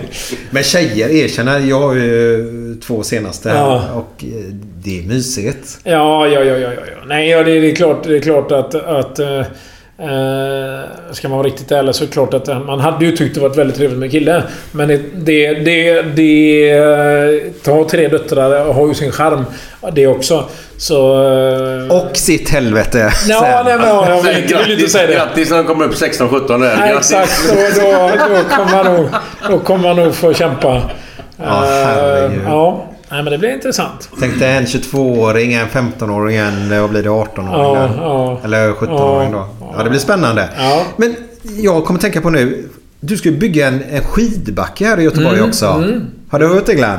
Nej, det är något nytt för mig faktiskt. Jag kan säga så här, jag har inte googlat någonting på det här innan. Nej, vad tur. Ja, det kanske det var. Hur visste du? Fick du hur kunde du Ja, men man läser tidningen och är med Ja. lite i, i, i samhället Ja, så, okej. så vet Ja. man detta faktiskt. Eh, men Glenn, Glenn, vänta nej. nu. Glenn läser bara GT. Ja. Och jag läser mer GP då. Ja. Eh, och jag tror det står mer om dig i GP Ja, än i GT då. Ja, men så är det. Ja, men den där skidbacken nu då? Men fast du... Ja. Vänta, nej. Vänta, Glenn. I GT står det mer om dig Glenn än i GP kan jag säga då Ja, också. men det är ju bara för att jag har en krönika. Det är ju Bland annat. Ja, ja. Nej, nej, men vi, vi håller ju på att utveckla eh, alla våra fastigheter och sånt där som vi jobbar med. Och ute i Kviber där så, så har vi ju en inriktning med att utveckla den ytterligare med mer Eh, skid, för skidor. Framförallt mer längdspår för det är för litet det vi har idag. Så där ska vi lägga på 3 km är tanken. Plus en skidbacke upp till gamla Änglagårdsskolan där. Ja, ja. Och så ha en skidbacke där och så mer bostäder och en velodrom eh, bland annat då. En stor riktig velodrom nedanför eh, arenan. Och det blir den enda i Sverige då va? Ja, det finns en i Falun också. En riktig? Ja, eller en mindre variant då, Ja, men ändå en velodrom. Så den, den här ska bli också då framförallt för satsningen mot EM. Det ska vara en sån kombinations-EM eh, 2022. Och det, är- dit ansöker ju, ansöker ju då olika städer. Och då är ju tanken att, att eh, det här ska kunna vara en, en, en del av det då. Men kommer det att vara alltså, vid sidan av planerna eller kommer vissa planer försvinna då? Nej, utan det, Eller- det, det är där nere Bakåt vid den här hållet? Nej, utan det är där nere mot planen men där det är en eh, stor gru, grusyta idag. Där det är parkering idag. Jaha, det är långt där nere? Ja, Jaha. så där, där nere för oss. Så, mm, ja, så det, det passar väldigt bra där. Och så plus att det blir lite mer tennisbanor och sånt där som saknas också överhuvudtaget i Göteborg då. Eh, Så tanken är att vi ska ha sju tennis eh, inomhus, tre ute och en velodrom. Eh, Helt enkelt då. Ingen paddeltennis? Jo, för fasen. Ja. Jo, jo det, det blir det ju. Så det, det blir ju... eh, Nej men den, den det är ju exceptionellt bra. Ja. Paddeltennis är ju faktiskt konstigt att det inte har funnits tidigare. För det är ju... Det är ju en extremt bra sport. eh, Dels ytmässigt men också att det är lättare att spela för folk. Ja, vi har ju hyllat den väldigt Ja, ja. mycket och många av våra Ja. gäster spelar ju paddeltennis också. Ja, jag jämför med vanlig tennis. Är du, är du medelgod och så spelar du med någon som är riktigt duktig. Så får du inte många bollar liksom. Nej, nej. Det är ju nästan meningslöst. Men däremot spelar du paddeltennis så, så har du... Du trycker ihop... Eh, handikappet blir ju mellan 0 och 10 istället för minus eller plus 5 och 56. Som det är nu i tennis då. För du vet, det blir ju sån skillnad. Ja. Och det blir nästan svårspelat då. Eller det blir nästan omöjligt då. Och långa härliga bollar. Ja, precis. Mycket köttkläm. Ja. Om det är just det som är gött med dubbel, att man, det är mycket, Ja, mycket ja, psykningar. Exakt. Men det är Glenn, hade du varit på... Tur att det inte var en fotbollsarena för dina ordval där hade inte passat in där. kan jag men- säga Men det. är inomhus så det är ingen som hör det. Så det, Nej, är de fyra som är... Han är också likadan när det gäller att spela. Han är lika tävlingsinriktad han. Ja, så är det. Vi träffade en kille idag i Stern heter de va? Mm. Ja. Skidklubben. Ja, Han var där och gymmade och körde. Och Ja. Han garvade lite grann åt Glens när han skulle svanka och ut med rompan där. Det var lite problematiskt kan vi väl Det är det säga. lättaste kan man säga. Nej. Eh, och han sa just det, det ska bli bra sen när det blir med. För det, det är lite för... Mm. Ja, men det är för tajt eh, Ja. och mycket svängar och sånt där. Och, men det är klart, det visste man ju inte innan. Nej. Och sen, sen å andra sidan så, så lär man sig och du bara utvecklar produkten tills det blir riktigt bra. Och framförallt inte ge sig tills det blir riktigt bra. Så som Så, du har gjort med eh, allt egentligen. Ja, nej, men så, så är det. Och framförallt att man inte ska vara rädd för att misslyckas. Eh, Utan fasen på det igen. Men däremot att du hela tiden har kontrollen på säkerheten rent ekonomiskt också då. För det gäller ju att ha koll hela tiden så du inte äventyrar någonting då. Och det är ju det givetvis viktigaste då.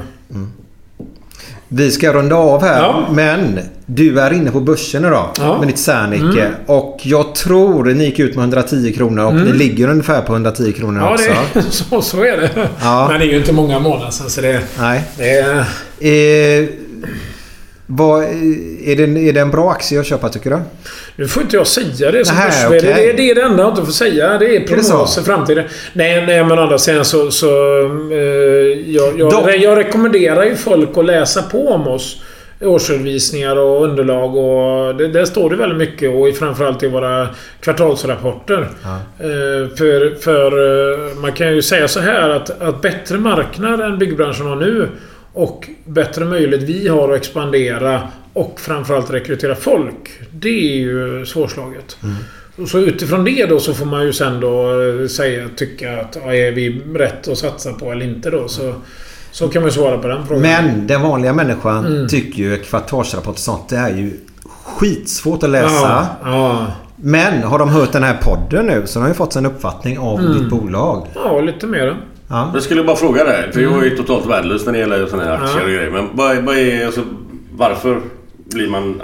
Varför går man in på börsen? Är, är det... Eller hur? Eller? Ja, men det, är egentligen, det är Eller egentligen varför flera, det är egentligen flera, Varför det är vill man egentligen det? flera, det är egentligen flera anledningar. Del- Dels är det ju att man, att man ska bli mer publik. Mm. Men sen framförallt så är det ju att vi ska få en, få en aktie som är likvid.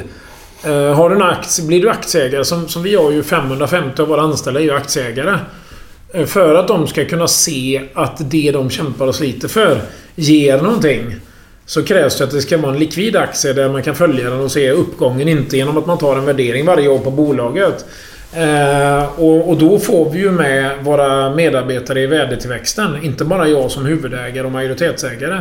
Eh, utan, och sen att vi lockar investerare att investera i bolaget då. Eh, Vi får tillgång till kapital på ett helt annat sätt. Vi får, vi får med oss som anställda i värdetillväxten så, så att de kan känna att det jag faktiskt bidrar med ger någonting i slutändan. Eh, och sen, sen eh, den publika intresset blir ju helt annorlunda. Eh, I Stockholm så visste inte många vilka, vilka vi var innan. Nu är det ju helt annan sak såklart då. Ja, köpte ni Eh, något bolag där uppe eller hur var det? Ja, Värmdö Bygg köpte vi där. För de var ganska stora va? Ja, nej, men så de, de köpte vi för några år sedan. Mm. 2014. Okej. Så... eh, Nej, så det, det ska ju...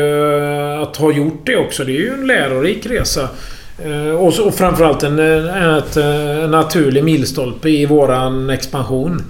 Alltså, ni, ni har inte varit där inne tidigare? Det här är första... Ja, det är första. Och, och sen gick vi ju direkt in på huvudlistan också, vilket är rätt så ovanligt. eh, För att vara bolaget. Och man brukar ofta passera förbi First North eller någonting sånt där då. Eh, Men så vi gick ju rakt in på huvudlistan, vilket... Vilket inte har hänt sen urminnes tider på, för byggbolag då. Men är, har det med omsättning att göra eller varför blir det så? Eller vad, vad är det som gör att man... Vissa hamnar där och ni hamnar på Ja, det är omsättningsmässigt, eller värde, bolagsvärdemässigt och kraven. Okej. Huvudlistan är mycket mer krav på. Kravställandet är ju högre för allt ifrån från eh, bolagsstyrning till ekonomistyrning till rapporter och så vidare då. Eh, och sen så har vi ett börsvärde som överstiger 1,5 miljarder. Eh, och då hamnar man på, eh, på, Mm, på den midcap då som det heter då. Ja. Eh, Så, så det, det krävs lite. Det är lite olika. Dels, så- dels är det då reglerna är olika mellan de olika börsvarianterna. Eh, listorna. Och sen så är det storleken på bolaget då. Ja. Och er omsättning? Eh, Vi omsatte förra året eh, 4 miljarder. 4 miljarder. Ja, men ska, vi ska ju omsätta 10 miljarder 2020 eh, minst. Det är ju vi sagt. Och sen 2030 så ska vi vara topp 30 i, i världen. Är tanken då. Och då är jag 59 så det passar ju bra. På, på, på tal om att eh, jobba, ha, ha jobbet som fritid. Hyfsade mål. Man får ju ha något.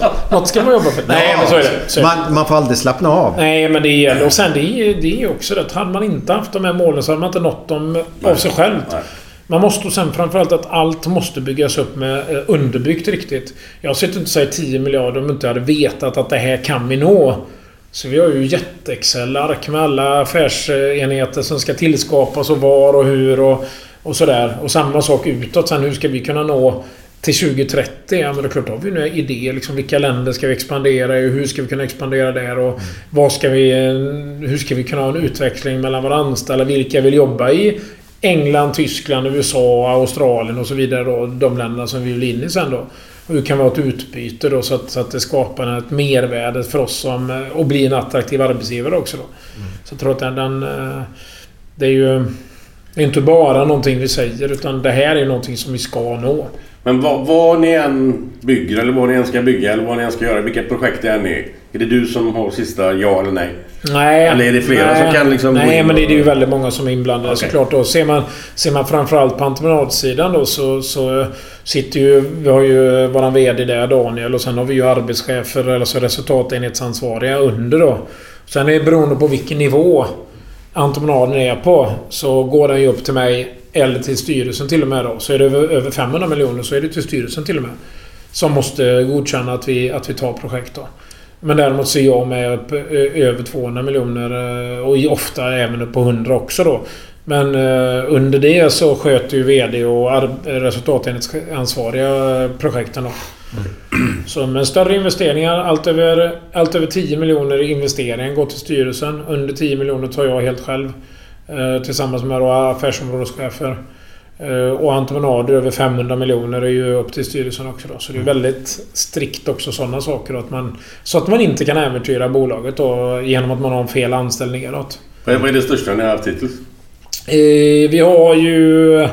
Kongälv är ju ett av de större. Där köpcentret är ju en miljard. Sen har vi... Eh, klart Karlastaden här ute med höghuset eh, blir ju ett antal miljarder men eh, årsomsättningsmässigt så det ligger väl på 1,2 miljarder ungefär. Så det, det är ju ett av de större då såklart. Eh, årsomsättningsmässigt. Men... Eh, Så det är... Nej, men det, står, det är det är mycket... Det är, Vi får se hur det blir. Ja. Det är intressant att lyssna på. har en sista fråga innan vi ska spela Mm. en underbar låt som vi tycker passar dig väldigt bra. Mm. Om du nu har svar på denna då. cream. Vad heter det? Nej, jag skojar. Jo, vad sa du? Ulf Dagby. Nej, men eh, vad, vad sa du? Ulf Dageby? Nej, ja. Var inte det han... Eh... Nej, det är ju Weiron Jottan. Eh, Det är skämtet han, han drar där alltid. Eller skämtet när de kör eh, Nu kommer Whipped Cream Ulf Dagby. Whipped cream. Ja, ja, Ja, jag hänger inte med, men, eh, skitsamma. Nej, det, det struntar vi och efter den låten sen så kommer ju Glenn med sina fantastiskt underbara vitsar då. Mm. Men hur mycket, vet du hur mycket pengar du lägger per år i sponsring på de 110 föreningarna ungefär? Oh ja. Hur mycket lägger du? På kronan. Eh, det är eh, en stor del eh, av vår vinst, höll jag på att säga. Nej, vi, vi brukar, vi, jag, jag, kan säga så att, att, eh, att generellt så, så har vi brukat sätta av 5% av vinsten motsvarande till marknadsåtgärder. Då. Eh, Så tjänar vi eh, eh, som förra året 400 miljoner så kan man säga att runt 25 miljoner då är motsvarande det som har hamnat mot marknadsföringsåtgärder då eller sponsringsaktiviteter då. Mm. Så, så vi, vi, lägger, vi lägger åtskilliga pengar på, på sponsring, så kan man säga. Så ni har en fast procent? Nej, nej utan det, vi sätter en budget. Våran marknadsansvarig Thomas Järrund och eh, varumärkesansvarig Katarina Gorton. De, de kommer ju och äskar om en budget varje år då. Och så säger vi ja eller nej helt enkelt.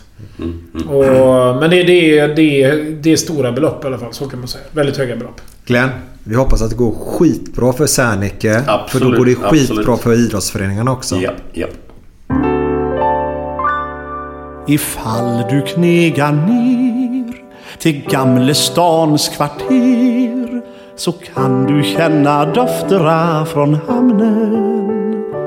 Mens du knaprar på ett kex kliv ombord på spårvagn 6 där Karl och Ada bjuder stora famnen. Sen far du in till stan Gå av vid Hagaplan och upp till Skansen kronan ta en sväng.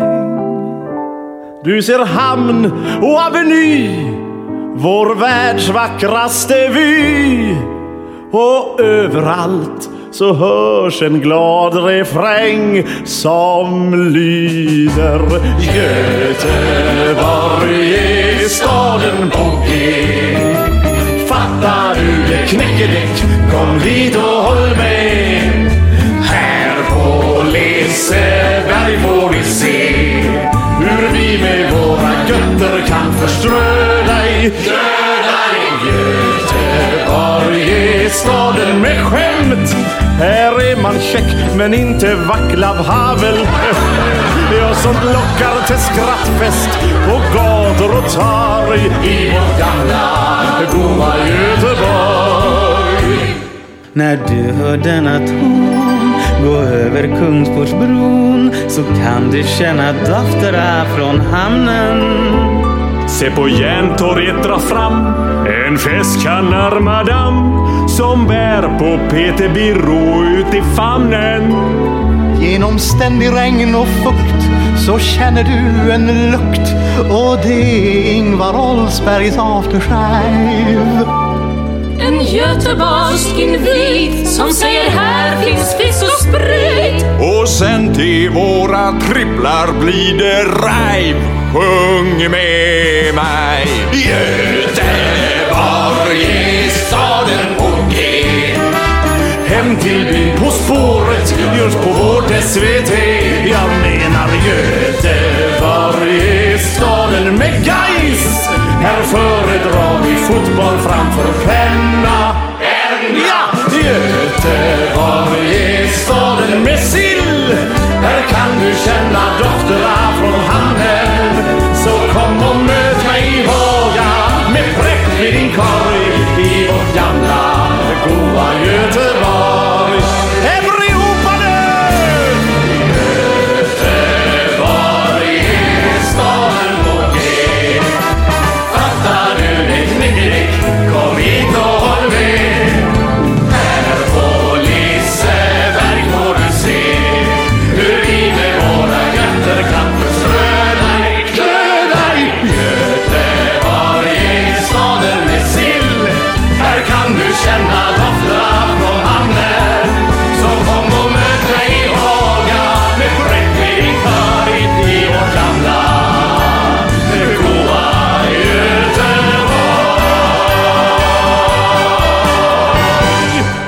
Det var en kille som stod utanför Ullevi. Och sålde jordnötter. Så gick han omkring så här med en stor... Sån här liten, vad heter det? Bricka. Jordnötter! Jordnötter! Så kom fram en kille och frågade Har du polyper? Nej, bara jordnötter! Det är så dåligt. Det är så dåligt. Vi skulle filmat det här.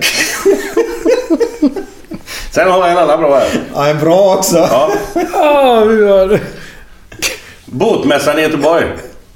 De borde slå sig ihop med MC-mässan tycker jag faktiskt. Och byta namn till Skepp Ohoj! Ja, ja. Ola, vad är detta? Ja, jo, vi har ju alltid... Men det, men det är bra med Göteborgshumor. Vi, har, vi kör faktiskt... eh, Vi har också eh, på våran, våran intranät så kör vi alltid en, en eh, eh, sån Glenvits där.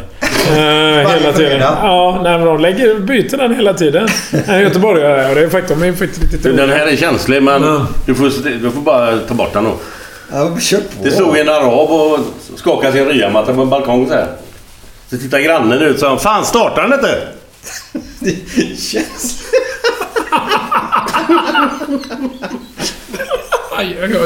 Jag, jag, gillar, jag gillar ju faktiskt de här... äh, Alltså det, det är ju lite grann som, som äh, Göteborgsvitsarna kommer. De här kortege... Kortegeprogrammet. Ja, det är grymt. det, det är ju, De är ju så roliga. Det, det här är ju en av de här som, som jag tycker är, är som, som är en av de roligare. Är ju det, vad, vad är det för fågel som inte är där? Ej där. och, och den, den är ju... Det är ju sådana så, så just den, den humorn som är så... Ja, den är... Och den måste ju upp på läktarna den här humorn. Ja, den är det. Eller den eh, under påsken där. Han kom in i butiken. Har ni påskris? Ja. Ja, kan jag få dig en påse? Nej, vi har påskris.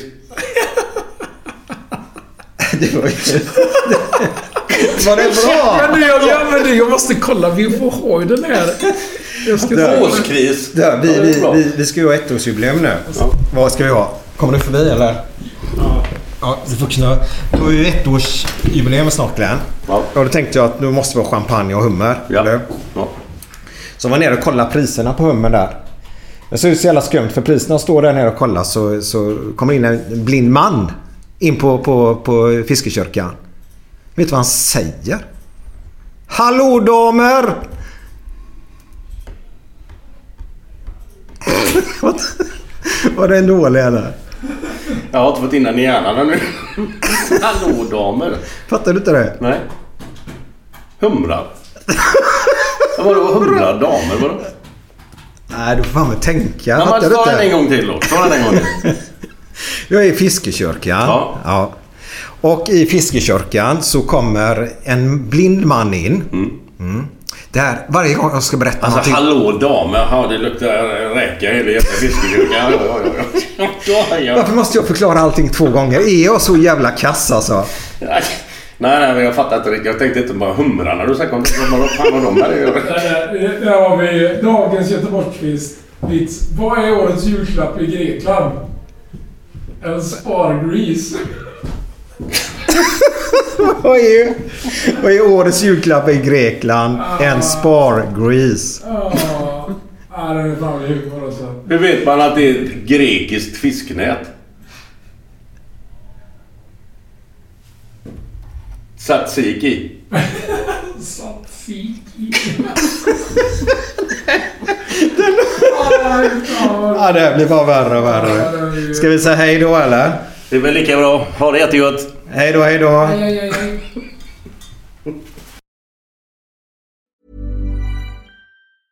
Hey, it's Danny Pellegrino from Everything Iconic.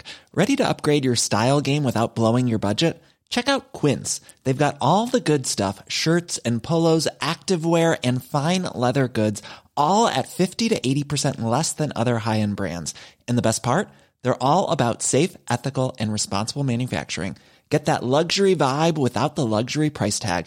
Hit up quince.com slash upgrade for free shipping and 365 day returns on your next order. That's quince.com slash upgrade. Hold up. What was that? Boring. No flavor. That was as bad as those leftovers you ate all week. Kiki Palmer here, and it's time to say hello to something fresh and guilt-free. Hello Fresh. Jazz up dinner with pecan-crusted chicken or garlic butter shrimp scampi. Now that's music to my mouth. Hello Fresh. Let's get this dinner party started. Discover all the delicious possibilities at hellofresh.com. When it comes to your finances, you think you've done it all. You've saved, you've researched, and you've invested all that you can. Now it's time to take those investments to the next level by using the brand behind every great investor, Yahoo Finance. As America's number one finance destination, Yahoo Finance has everything you need, whether you're a seasoned trader or just dipping your toes into the market. Join the millions of investors who trust Yahoo Finance to guide them on their financial journey. For comprehensive financial news and analysis, visit yahoofinance.com, the number one financial destination, yahoofinance.com.